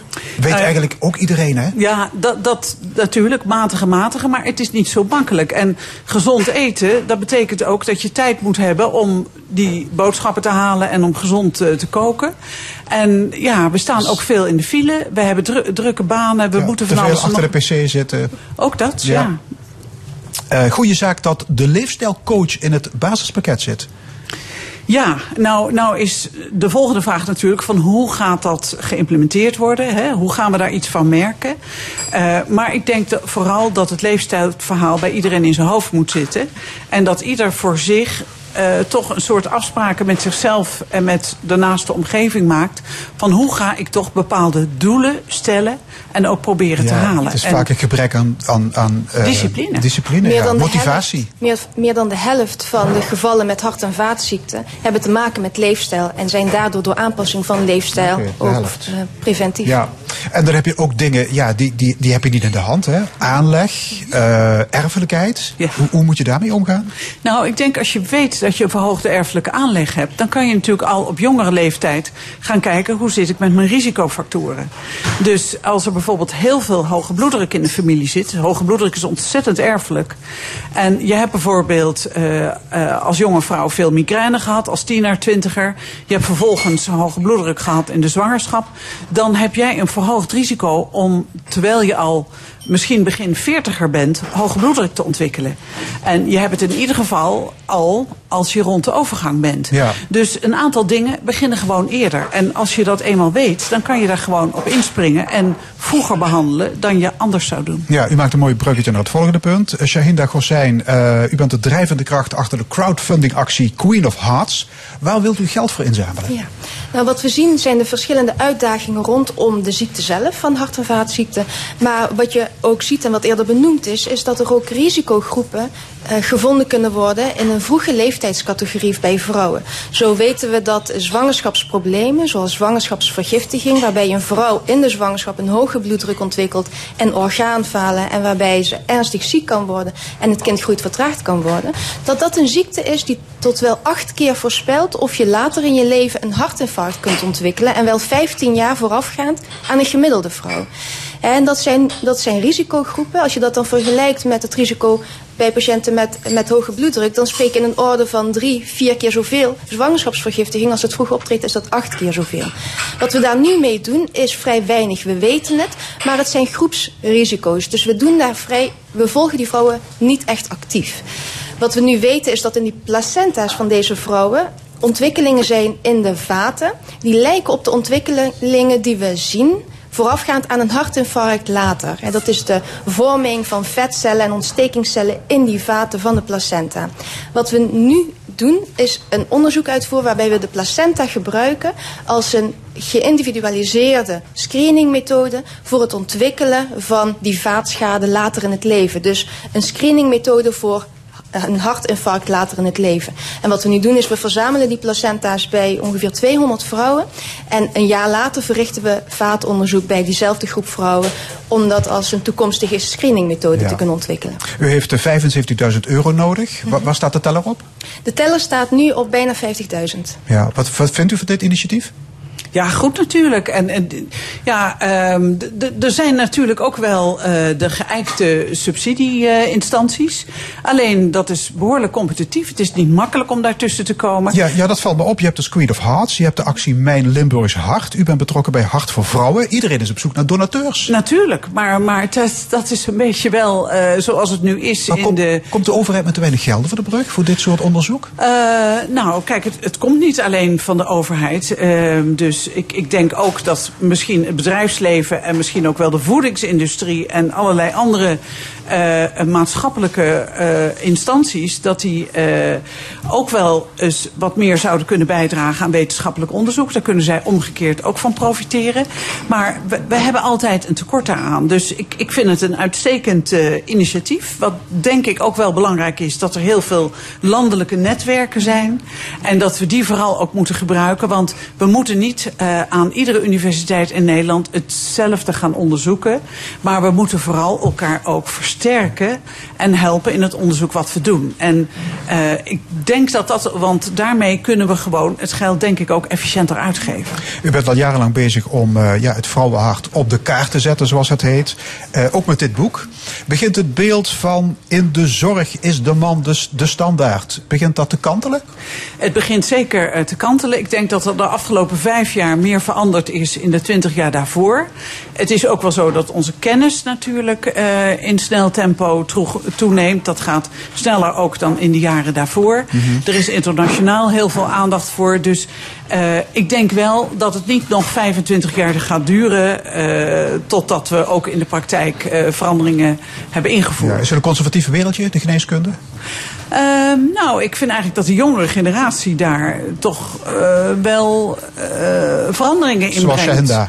Dus er zijn natuurlijk hè, oudere specialisten die willen vasthouden aan hoe het altijd was. Maar goed, ja, dat, die verdwijnen natuurlijk. Vroeger had je baas in eigen buik, schrijft Hella de Jonge. Moeten we nu spreken over baas over eigen hart? Eh, ja, dat aan de andere, ja, baas en eigen buik, dat daar heb je misschien iets meer eh, grip op. Hoewel dat de laatste tijd ook erg onder druk staat, vooral ook internationaal. Eh, maar de mondige patiënt is gewoon heel belangrijk in wat er wel en niet gebeurt. En daarin vind ik dat patiënten de afgelopen 30 jaar enorm positief veranderd zijn. Het boek Hart voor Vrouwen is verschenen bij de Arbeiderspers. Hartelijk dank Angela Maas, hoogleraar cardiologie en Shahinda Gossijn, cardioloog in opleiding. Dank u wel. Vandaag klassieke muziek in de stemming. Sopraan Sandrine Meres en pianist Henri Konsten. Ze staan hier op het podium in Café Forum. En we gaan luisteren naar een gedicht. Allerzielen van Paul Hermans. Op muziek gezet door Henri Konsten.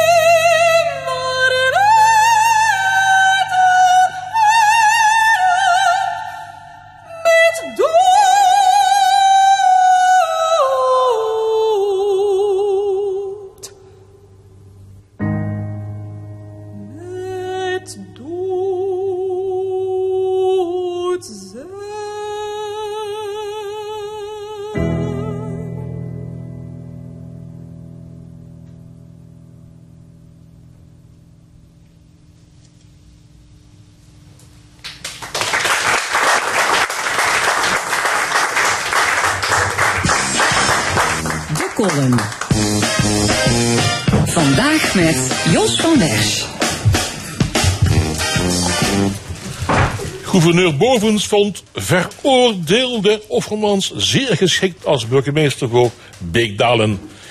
Zo kan u wel weer, dames en heren, koppenmakers bij Dagblad de Limburger. Toegegeven, onze gouverneur opereert de laatste tijd niet bijster handig.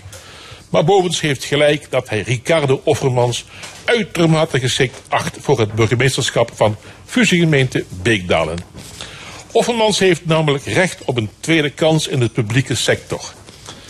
Jaren geleden kreeg hij 60 uur taakstraf aan zijn broek vanwege dat beroemde telefoontje van Jos van Rij uit Roermond. Sindsdien is Offermans gegijzeld en lijkt hij veroordeeld tot levenslange ballingschap. En dat nota bene in Limburg, waar o zoveel politieke kleine krabbelaars en grote zondaars een tweede kans werd gegund in het publieke domein. Nadat ze, in hun eigen ogen, een beetje dom, maar de facto heel stout waren geweest. Ik ken er zelfs al die bezig aan hun derde kans zijn. En nog gedragen ze zich als rupsje nooit genoeg. Die inhaligheid geldt niet voor Offermans. Die deed het uitstekend als burgemeester in Roegeldalen en in Meersen. Roermond bleek een brug te ver naar de moeder aller domme telefoontjes. Het was niet zomaar een telefoontje, zei de rechter. Het was medeplichtigheid aan het schenden van het ambtsgeheim. Als we dan toch hebben over het schenden van een geheim. Hoe zit het eigenlijk met de vertrouwelijkheid van de vertrouwenscommissie in de gemeente Beekdalen?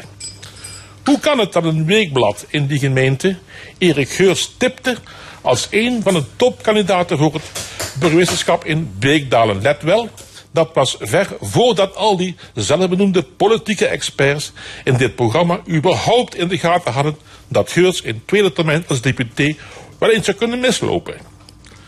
Hoe kan het geachte leden van de vertrouwenscommissie in Beekdalen dat Dagblad de Limburger meldt dat Offermans in Beekdalen heeft gesolliciteerd en dat hij, volgens gouverneur Bovens, bij de top 6 van de kandidaten behoorde. Hoezo vertrouwenscommissie? Waarom staat het Openbaar Ministerie geen onderzoek naar een mogelijk lek vanuit deze commissie? Oh nee, er is absoluut niet gelekt uit de commissie. Wat er dan wel is gebeurd. Kijk, in het gemeentehuis van Beekdalen stond, net als in Kerkrade, een toevallig passerende en stiekem meeluisterende journalist van de Limburger, verdekt opgesteld achter een pilaar. Had dat eerder gezegd. Intussen heeft Offermans de zoze kras op zijn ziel in het besef dat de zorgplicht bij de VVD kennelijk niet voor hem geldt. Eigen schuld, dikke bult, Ricardo. Dan had je maar lid van het CDA moeten worden.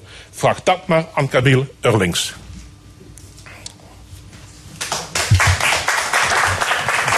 De column van Jos van Wersch. Het laatste onderdeel van de stemming is het discussiepanel. Ik heet van harte welkom Mout Schenk-Hermans, voormalig statenlid voor het CDA, maar inmiddels partijloos.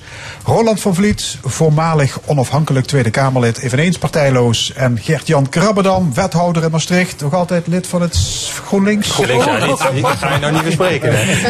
Hangt eraf wanneer je gedeputeerde wil worden. Niet. Goed zo. Ja, ja ehm, de leden van FNV en CNV die mochten stemmen over het pensioenakkoord. Eh, dat kon tot gisteren 12 uur. En dat hebben ze ook gedaan.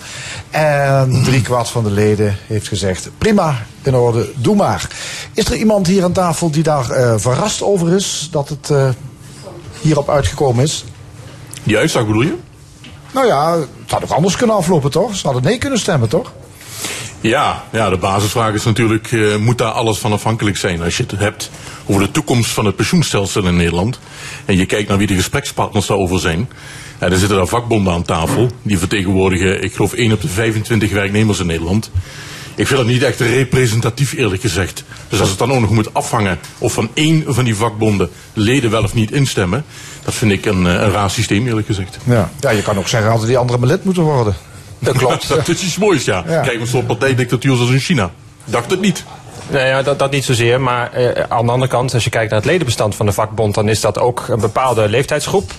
Ik zou durven te stellen dat de mensen van mijn leeftijdsgeneratie en jongeren, ik ben 36 en jonger, dat die veel minder lid zijn dan die misschien 1 of 25. Of juist wel heel erg bijdragen aan dat eh, lage aantal 1 of 25. Ehm, en als je kijkt naar wat het pensioenakkoord onder meer behelst, dat is ook een bevriezing van de pensioenleeftijd voor de komende jaren. Ja, daar profiteren 36ers niet van. Hè? Nee, het zijn de 55-plussers geloof ik die hier eh, het meeste voordeel uithalen. Ja, klopt. Dus het is ook niet raar dat die voor zijn. Want zij hebben natuurlijk het pensioen het dichtste bij hun eh, leeftijdscategorie zitten. Eh overigens, het ze van harte hoor, daar gaat het helemaal niet om. Maar dat, dan, als dan de vraag is, is dat verrassend? Nou nee, als mij specifiek eh, mijn generatie een, eh, een goed voordeel geboden wordt, vind ik het ook eh, raar juist als ze Maar je tegen zegt eigenlijk hetzelfde als, als wat ik zeg in andere woorden. Namelijk Ja. dat maar een heel klein deel eh, hier belang bij heeft, zeker hierover heeft kunnen stemmen. Dat vind ik dus niet representatief. Ja, maar dat ben ik niet met je eens, Roland, dat maar een klein deel hier belang bij heeft. Dat de groep, kijk, daarna gaat het natuurlijk ook langzamer doorstijgen. Dus in zekere zin hebben 36ers daar wel degelijk profijt van. En een heel belangrijke eh, bijkomende eis van dit pensioenakkoord is dankzij GroenLinks en de PvdA ook geweest dat ZZP'ers ook een sociaal vangnet krijgen. Dus ook die zijn hier heel erg bij gebaat. Die zijn ook allemaal geen lid van een vakbond. Ja, kijk, er is altijd wat voor en tegen ieder akkoord eh, te, te zeggen. Maar het is duidelijk dat ook weer een grote groep Nederlanders eh, buiten de voordelen van dit akkoord valt. De grote vraag blijft gewoon, hoe pakt het nou uit in de praktijk? Wie gaat het gelag betalen? En vooral houden we dat met z'n allen in de gaten. En durven politici dan over hun eigen drempel en ziel heen te stappen om bij te sturen en zo'n akkoord ook weer open te breken als blijkt dat een hele grote groep in het midden, grofweg tussen 35 en 55, straks het gelag moet betalen, want dat is de net niks generatie. Ja, maar dat is ook de generatie die niet meedoet aan de discussie. Dus, hè, want- In ieder geval niet zich gedwongen voelt om lid te worden van een eh, vakbond die ook vaak een politieke agenda heeft. Laten we dat even niet vergeten. ja, Maud Schenk-Hermans, eh, hoe kijk Ja. jij dat tegenaan? Ja goed, het is een feit dat het systeem zoals het nu is, dat dat ja, failliet is en niet meer in de lucht kan worden gehouden. Dus dat er iets moet gaan gebeuren. Maar zoals we hier aan tafel zitten, in ieder geval eh eh, Gert-Jan en ook Roland, neem ik aan dat wij bij die categorie horen waar het waans pittig voor kan gaan worden. Dus ik ben heel nieuwsgierig hoe dat gaat, eh, gaat uitpakken eh, voor groep. Want nogmaals, wat ik begrijp is het eh, vooral de groep eh, tussen 35 en 55. En ik reken ons daar allemaal eh, bij. Ja, wordt dat een uitdaging hoe we dat in de lucht gaan houden. We hebben natuurlijk meegedragen aan die groep die nu met pensioen is of met pensioen kan. En ze gaan het systeem zo veranderen dat we ook verantwoordelijk worden voor onze eigen bijdrage. Dus ja, het wordt een hele spannende. Die, ben, ik ben benieuwd. Kijk, onderdeel van eh, de reden van- van desinteresse, bedoel, daar ben ik zelf ook debet aan. Ik was blij dat ik aan het begin van het programma meeluisterde en hoorde dat we het vandaag hier ook nog over gingen hebben. dat was ook een verrassing.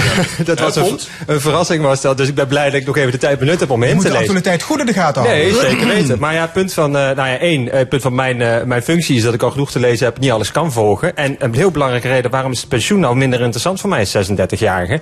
Ja, eh, als, als het erop aankomt, ga ik ervan uit dat ik nog de helft van mijn leven door moet werken. Eh er gaan nog heel wat keuzes in de tussentijd gemaakt moeten worden. Dus ik ga er ook vanuit dat het, dat het akkoord wat nu voor ligt, helemaal niet is datgene wat, eh, waar ik uiteindelijk eh, pensioen van ga genieten. Als ik überhaupt al die 70 of 72 of 73 ga halen. Dus eh, dat maakt ook dat die generatie zich er op dit moment misschien onterecht nog niet druk over maakt. Ja, Maar één, één ding mag ik hopen, eh, Gert-Jan en Ja. Maud en Fons en Frank. Eén ding mag ik hopen. Dat we de pensioenen absoluut een nationale kwestie laten blijven. En dat Brussel daar met zijn fikken vanaf blijft. Ook dacht dat je wilde zeggen dat we überhaupt zo oud worden, dat we het überhaupt halen. Maar dit vind ik ook nog graag. En we Ja, hebben toch ik het beste, het beste pensioenstelsel van de hele wereld. Precies, nou moeten anderen daarvan afblijven. Deze week kwam de Limburger met de scoop dat Ricardo Offermans heeft gesolliciteerd als burgemeester van Beekdalen. En dat de vertrouwenscommissie hem niet eens op gesprek liet komen. Offermans is in 2014 veroordeeld wegens medeplichtigheid aan het schenden van het ambtsgeheim. U weet wel dat beruchte telefoontje van Jos Verrij. De column net ging er ook al over. Onze vraag. Had gouverneur Bovens Offermans überhaupt moeten doorsturen naar Beekdalen? Wie? Van Vliet. Ja, ja. Ik zou eerlijk gezegd willen beginnen bij, eh, bij eh, meneer Oeffermans eh, zelf. Als je in zo'n pakket hebt gezeten als hij, eh, moet je dan niet zelf afvragen: moet ik dit nog willen eigenlijk?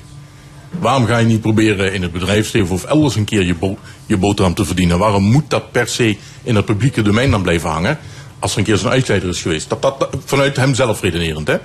Puur vanuit de omgeving, en of, of juridisch of politiek en bla bla bla. Dit moet natuurlijk kunnen. Hè? Als iemand zijn straf heeft gehad, moet hij dat kunnen doen wat, eh, wat de wet hem toestaat. Of het verstandig was van de gouverneur.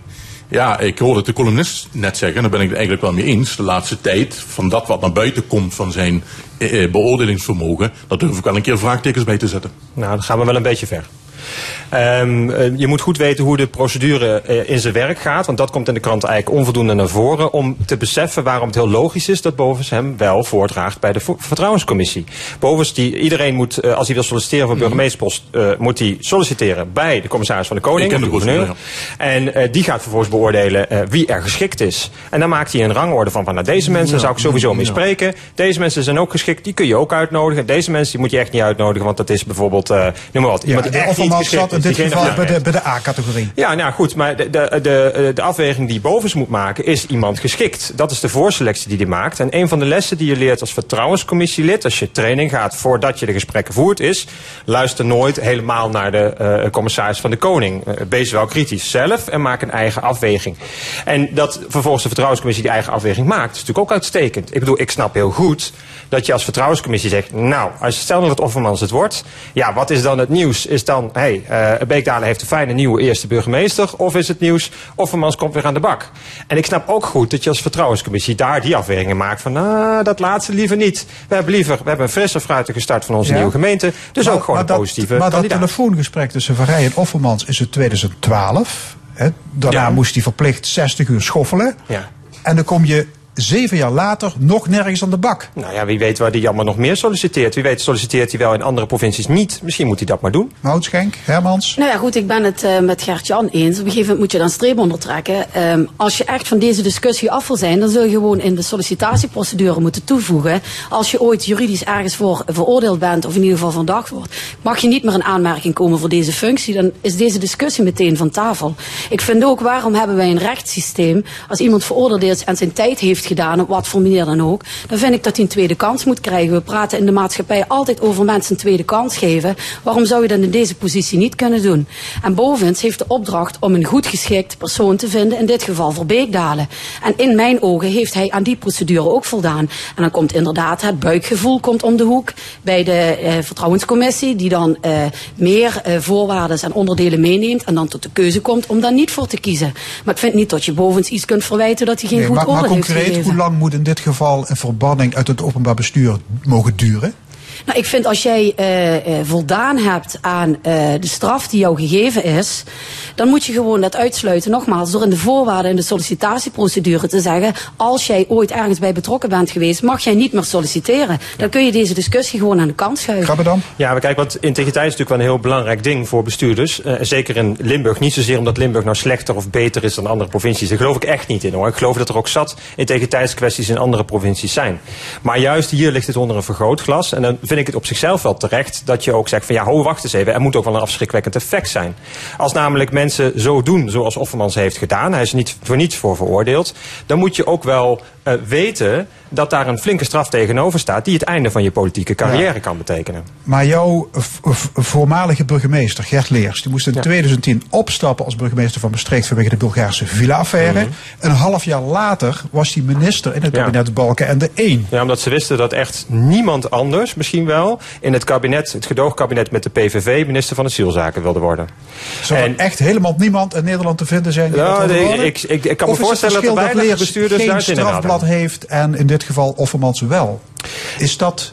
Eh, Het heeft echt wel meegespeeld in die situatie dat Gert Leers bijzonder eager was om op die plek te komen. En dat heeft hij ook vervolgens eh, niet benijdswaardig en ook best, best goed gedaan. Meneer Offermans is ook heel erg eager om burgemeester van, Zeker van, weten. van Maar hij is wel veroordeeld, worden. dat klopt, ja. Maar dan vind ik bij je met twee maten het meten. Kijk, ik zie dat in het onderwijs ook. Als daar een, een docent over de grens gaat eh, en hij wordt daardoor veroordeeld, dan is het einde oefening bij, binnen het onderwijs. En ik vind bij politiek wordt vaker met twee maten gemeten. Je geeft nu een voorbeeld, dat vind ik daar ja, typisch voor. Ja, eh, te zeggen, en het gaat- me echt los van de persoon, van de heer Offermans of van de heer Leers. Maar ik vind, ja, hij was eager, hij was de enige. Ja, dan is dat zo. Als je vindt dat dat niet kan, moet je het dan ook toepassen. En niet zeggen, ik kan dan niet iemand vinden, dus nou maken we een uitzondering. Nou, ik ben het wel met je eens. Ik, zeg, ik was puur verklarend wat ik zei. En niet dat ik dat vind of zo. Maar nee, Roland-. Roland van Vliet. Hier komt denk ik Mout bij de kern van de zaak. Wat doet dit, dat al die mensen die dan tweede en derde kansen krijgen, zoals Van Wersch net al zei. Wat doet dit nou met het beeld van het publieke domein? Dat is mijn punt. Mensen die een keer iets op een kerfstok hebben, die verdienen allemaal een tweede kans. Maar denk na, moet dat dan weer in het publieke domein zijn? Die kloof tussen kiezer en gekozenen wordt hier niet kleiner door. Dat is mijn punt. Ik wil overigens wel, hè, terecht wordt in de column net ook aangesneden van de vertrou- vertrouwelijkheid van de vertrouwenscommissie. Hè. Ook daar vind ik wel, eh, als het de vertrouwenscommissie als daar uitgelekt is. Ja, dat is tegenwoordig schering in hè. Lekker de vertrouwenscommissie. Moet hier Gelukkig gewoon een altijd, justitieel hè? onderzoek eh, komen? In dit, Eh, in dit ja, geval. wel, maar meestal Ja. komt daar dan uit, niemand heeft het gedaan. Eh, overigens zou het wel puur vanwege het signaal wel goed zijn. Maar het is niet uitgesloten, want er werd ook aangehaald van ja, het, was al, het zoomde al rond dat, eh, eh, hè, dat eh, Erik Geurts dat die eh, een gedoodverfde kandidaat zou zijn. Weet wel, niet alleen vertrouwenscommissies praten met mensen, kandidaten praten Ja, vaak ook dat- met mensen. dat is zeker zo. En eh, wat veel kandidaten doen, is peilen bij mensen die ze kennen. En soms ook, als ze al bijvoorbeeld in dit geval gedeputeerden zijn, ook voorzichtigheidshalve laten weten, je collega's, jongens, ik ben hiermee bezig. Dat kan eh, eh, eh, best goed zijn, Eh, want anders dan worden ze ook maar verrast. Maar dat leidt er wel toe dat het, de groep mensen die eventueel kan lekken veel groter wordt. En voor een collega gedeputeerde is dat gewoon geen lekken niet strafbaar, hè? Moutschenk? Ja goed, maar eh, als er verwezen wordt naar die eh, ehm, com- commissie, die vertrouwelijkheidscommissie, neem ik aan dat er bronnen zijn die toch wel eh, behoorlijk de link kunnen leggen dat het uit die hoek komt. Ja, en dan denk ik, als je het dan hebt over ondermijning aan het vertrouwen van de burger in de politiek, ja, is dit natuurlijk funest. En dan kun je wel gaan wijzen naar mensen die gelekt hebben, maar dit is niet de eerste keer. We hebben het ook gezien eh, eh, in een andere zaak richting kerkraden. Eh, ja, ik bekijk me dat en ik maak me daar ernstig zorgen over, want het draagt in ieder geval niet bij in het toenemende vertrouwen van de burger in wat wij aan het doen zijn. Daarom vind ik die signaalfunctie het over had, Gert-Jan, vind ik toch belangrijk genoeg om dat onderzoek op te starten. We hadden in de Tweede Kamer op een gegeven moment een lek uit de zogenaamde commissie Stiekem. Die gaat over inlichtingendiensten. Ja, er is, een formele parlementaire commissie ingesteld om dat te onderzoeken. Iedereen dacht, daar komt niks uit. Dat is ook zo. Maar mensen waren heel zenuwachtig die in en rond die commissie Stiekem iets te doen hebben. Die signaalfunctie doet dan wel zijn werk.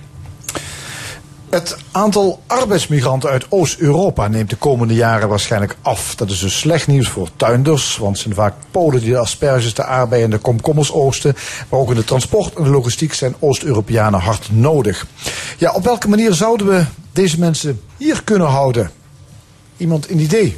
Eh, een, een Polen-meldpunt waar ze zich kunnen komen melden als ze hier willen komen merken. Werken. Nee, voor alle gekheid. eh, ik denk dat het heel belangrijk is dat, dat we hier duidelijk nu een voorbeeld hebben waarmee we uit moeten stralen. Het is heel belangrijk dat je ook een bepaalde vorm van arbeidsmigratie hebt. Hè, dat we ook eindelijk eens een keer dat uit eh, het negatieve van de discussie halen. Want zonder arbeidsmigranten kan onze economie dus niet draaien. En dat betekent dus ook dat we eh, ook eens een keer het, het, het, het, het dogma wat er, of het, de slechte naam die, we, die sommige politici daarop leggen van arbeidsmigrant is altijd fout. Dat we daar eens van afgaan. Dat we eens open de discussie durven te voeren van hé, hey, wacht eens even. Deze mensen helpen om bij te dragen bij onze economie. En dan moeten we inderdaad hen ook gelijk voor belonen. Dus ook slechte huisvesting moet eindelijk eens een keer een einde aangemaakt worden. Slechte betaling moet een einde aangemaakt worden. En vervolgens zie je inderdaad het effect wat het heeft. Is dat deels vloeit dat geld terug bijvoorbeeld naar Polen. En helpt het daar de economie te laten groeien. En daarmee hebben we absolute Europese solidariteit die we daarmee bevorderen. Hele Dus goede Polen van de camping halen en een eh, gewone woning. Nou, sowieso verzorgen. vind ik dat je die mensen naar Nederlandse maatstaven, Nederlandse CAO moet belonen. Mensen die hier werken moeten ook naar dezelfde maatstaven worden beloond als ieder ander. En dat betekent ook dat er geen oneerlijke concurrentie moet zijn. En dat betekent misschien ook wel dat die banen interessanter worden voor Nederlanders. Die ook op zoek, op zoek zijn naar werk, maar denken ja, voor minder dan het minimumloon waar, waar die Polen zich voor laten betalen soms, of hebben laten betalen, ga ik het niet doen. Als dat nou straks een eerlijk loon wordt, dan gaan misschien ook wel meer Nederlanders dat doen. Ja, Moutschenk Hermans? Nou, daar wil ik wel op aanhaken. Want op het moment dat je het gelijk gaat trekken, maak je ook inderdaad het interessanter voor eh, mensen die nu op dit moment niet deelnemen aan het arbeidsproces. En ik vind, we hebben dat net besproken ook in de auto, je hebt het over een inclusieve samenleving. Er zijn, staan toch nog een hele hoop mensen aan de kant die best zouden kunnen werken, passend wat bij ze hoort. Misschien niet fulltime of niet helemaal eh, eh, onder andere omstandigheden.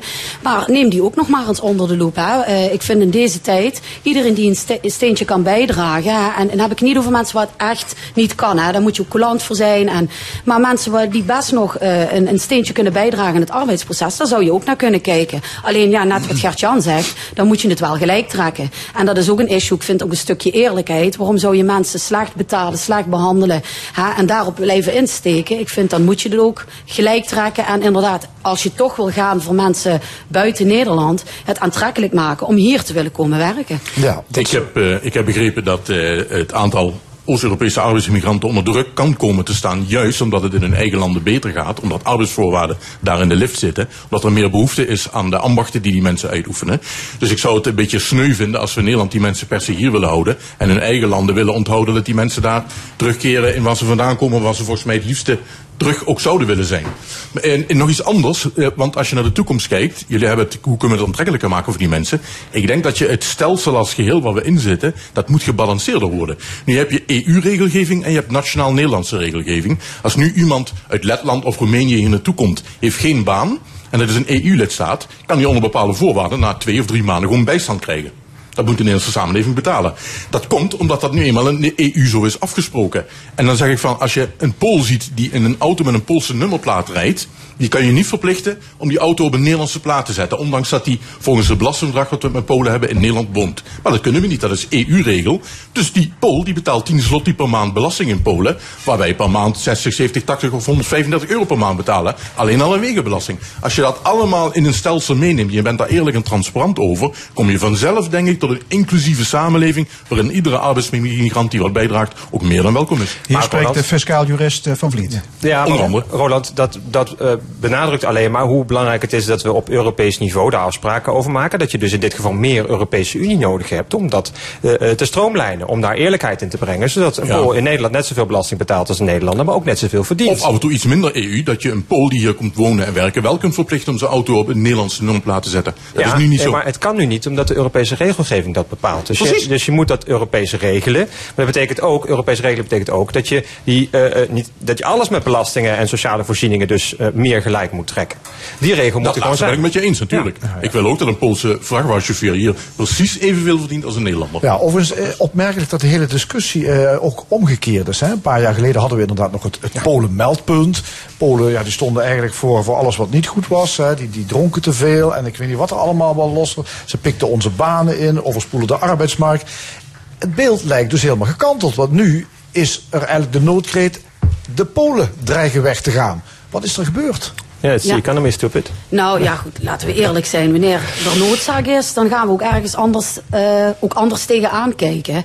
Ja, dat is toch een stukje mensheid, denk ik. Wanneer er te veel van is, dan willen we er vanaf. En als we te weinig hebben en we hebben iets nodig, of dat nou gaat over personen of over dingen, dan weten we niet hoe gek we kunnen doen om ze hier te houden. Dus dat is ook een stukje mentaliteit, denk ik. Nou, maar de noodzaak was er zoveel jaar geleden ook al.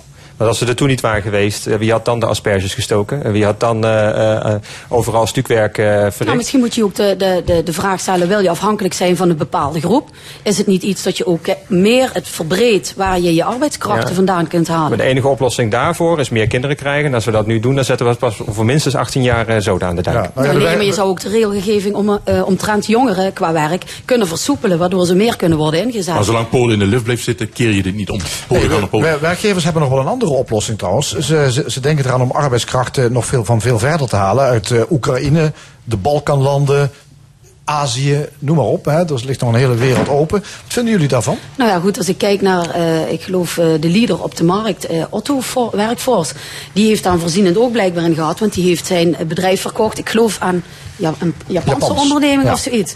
Dus ja, goed, eh, hij zit in die branche. Ik denk dat eh, ja, hij daar echt wel een markt in heeft gezien, dat het van die kant waarschijnlijk zal gaan en er werken al veel Oekraïners in Polen, omdat de Polen allemaal hier werken. Maar is dat een goede oplossing? Dat inderdaad de Aziaten hier naartoe komen om het werk te doen, Roland Als dat een eerlijke markt van vraag en aanbod is en die Aziaten worden niet eh schofterig of als slaven behandeld, dan krijg je hier dezelfde arbeidsvoorwaarden.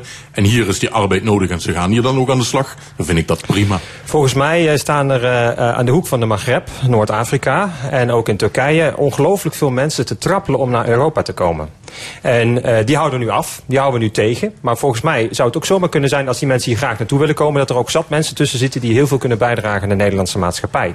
Dat betekent gewoon dat we anders moeten gaan denken over migratie en dat ook niet meer als negatief moeten gaan zien. En natuurlijk moet je goed nadenken over de negatieve bijkomstigheden die dat kan hebben, hè, over integratie en dergelijke. Nou, we hebben inmiddels voldoende ervaring opgedaan om daarvan geleerd te kunnen hebben hoe we dat moeten aanpakken. Maar laten we dan gewoon ook vooral kijken naar die landen, want daar willen ze graag hier naartoe komen. Oké, we hebben nog ruimte voor één onderwerp. Eh, wat zullen we doen? Het Deltaplan Mobiliteit 2030 of Geleen wil noodhulp? Misschien dat laatste, hè? Meer, meer, meer Limburgs. Ja. Dus L1, hè? Ja. nou ja, dat is eh, heel opmerkelijk. Hè. De gemeente Sittard Geleen die eh, vindt dat, eh, dat er inderdaad hulp moet komen van het kabinet en van de provincie om Geleen er weer bovenop te helpen. Maar volgens mij kom jij uit Geleen, toch? Of je, je, je eh, woont ik. Is, het- is dat zo erg Ja, sterk? ik woon in de Wereldstad. Ben ik ook nog heel blij. Ik ga er ook niet weg. En ik heb inderdaad gelezen dat ze dat eh, gevraagd hebben. Of dat ze dat ieder, Het schijnt er verschrikkelijk te zijn. hoor. Nee, ja, ik niet. Ik niet. Noodhulp is nodig. Ja, nou ja, goed, dat klinkt meteen heel zwaar. Hè? Eh, nou, in ieder geval, eh, dat zegt wel, tenminste dat haal ik eruit. En nogmaals, de beste stuurlijst staan aan de wal, dat wil ik even gezegd hebben. ehm, dat het water wel in de lippen staat. En ehm, dat zij vinden, ze kijken natuurlijk eh, onder andere naar Kerkrade, hè, wat er gebeurd is met Ja, de IBA-gelden. ja, Heerlen, ja. ehm, Ook een eh, voormalige mijnstad, mijnsluiting, sociaal-economische ja, problemen. Dus eh, dat ze Ja. dat als een van de argumenten. Maar ze hebben daar ook, wat ik begrepen heb in de kadernota, dat ze willen gaan investeren bij een aantal topprojecten. Alleen is er niet verteld. Maar, maar de vraag is natuurlijk, moet, moet inderdaad het kabinet en het gouvernement, moeten die met geld over de brug komen om Geleen te helpen? Nou, ik denk dat ehm, eh, je moet ervoor voor waken dat het iets structureels wordt en dat het een precedentwerking gaat worden. Ehm, ik denk dat vooral is, en nogmaals, echt gezegd, beste stuurlui staan aan wal. Dat je ook moet kijken naar eh, niet alleen dat je geld kunt ontvangen, maar dat je out of the box moet gaan denken hoe je zelf meer geld kunt genereren. En, ehm, Dus zelf oplossen. Iemand die wel vindt dat het gouvernement... Dat wat Nou, in ieder, geval, in ieder geval Limburg zal moeten kijken naar de noden van Limburgse gemeente. In die zin dat je het zo makkelijk mogelijk moet maken voor mensen om te investeren in geleen. Wat is er in werkelijkheid aan de hand? Er is krimp. Krimp kun je niet wegpoetsen. Je kunt wel helpen de effecten van krimp een beetje te dempen. Daarover moet inderdaad out of the box nagedacht worden. Maar dat hangt niet alleen af van geld. Dus alleen de hand ophouden, dat gaat hem hier niet worden. Ik was laatst in, op zaterdag in Heerlen eh, en ik zag dat er bijna geen winkel in het publiek was. Dat komt door die krimp. Ja, Geleen hebben ze er ook last van. Hè? Te veel Ja, winkels, ja. te weinig. Oké, hartelijk dank. Discussiepanel. Maud Schenk Hermans, Gert-Jan Krabbedam, Roland van Vliet. En dit was de stemming vandaag gemaakt door Ben Wallig, René Bergers, Kirsten Rietbergen, Fons Geraerts en Frank Ruber. Graag tot volgende week, dan wederom hier vanuit Café Forum in Maastricht. Dan met live muziek van The Well Respected Man. Dit programma wordt herhaald maandagavond om 8 uur. Het is ook terug te luisteren op onze site l1.nl en via podcast. Ik wens u nog een mooie zondag.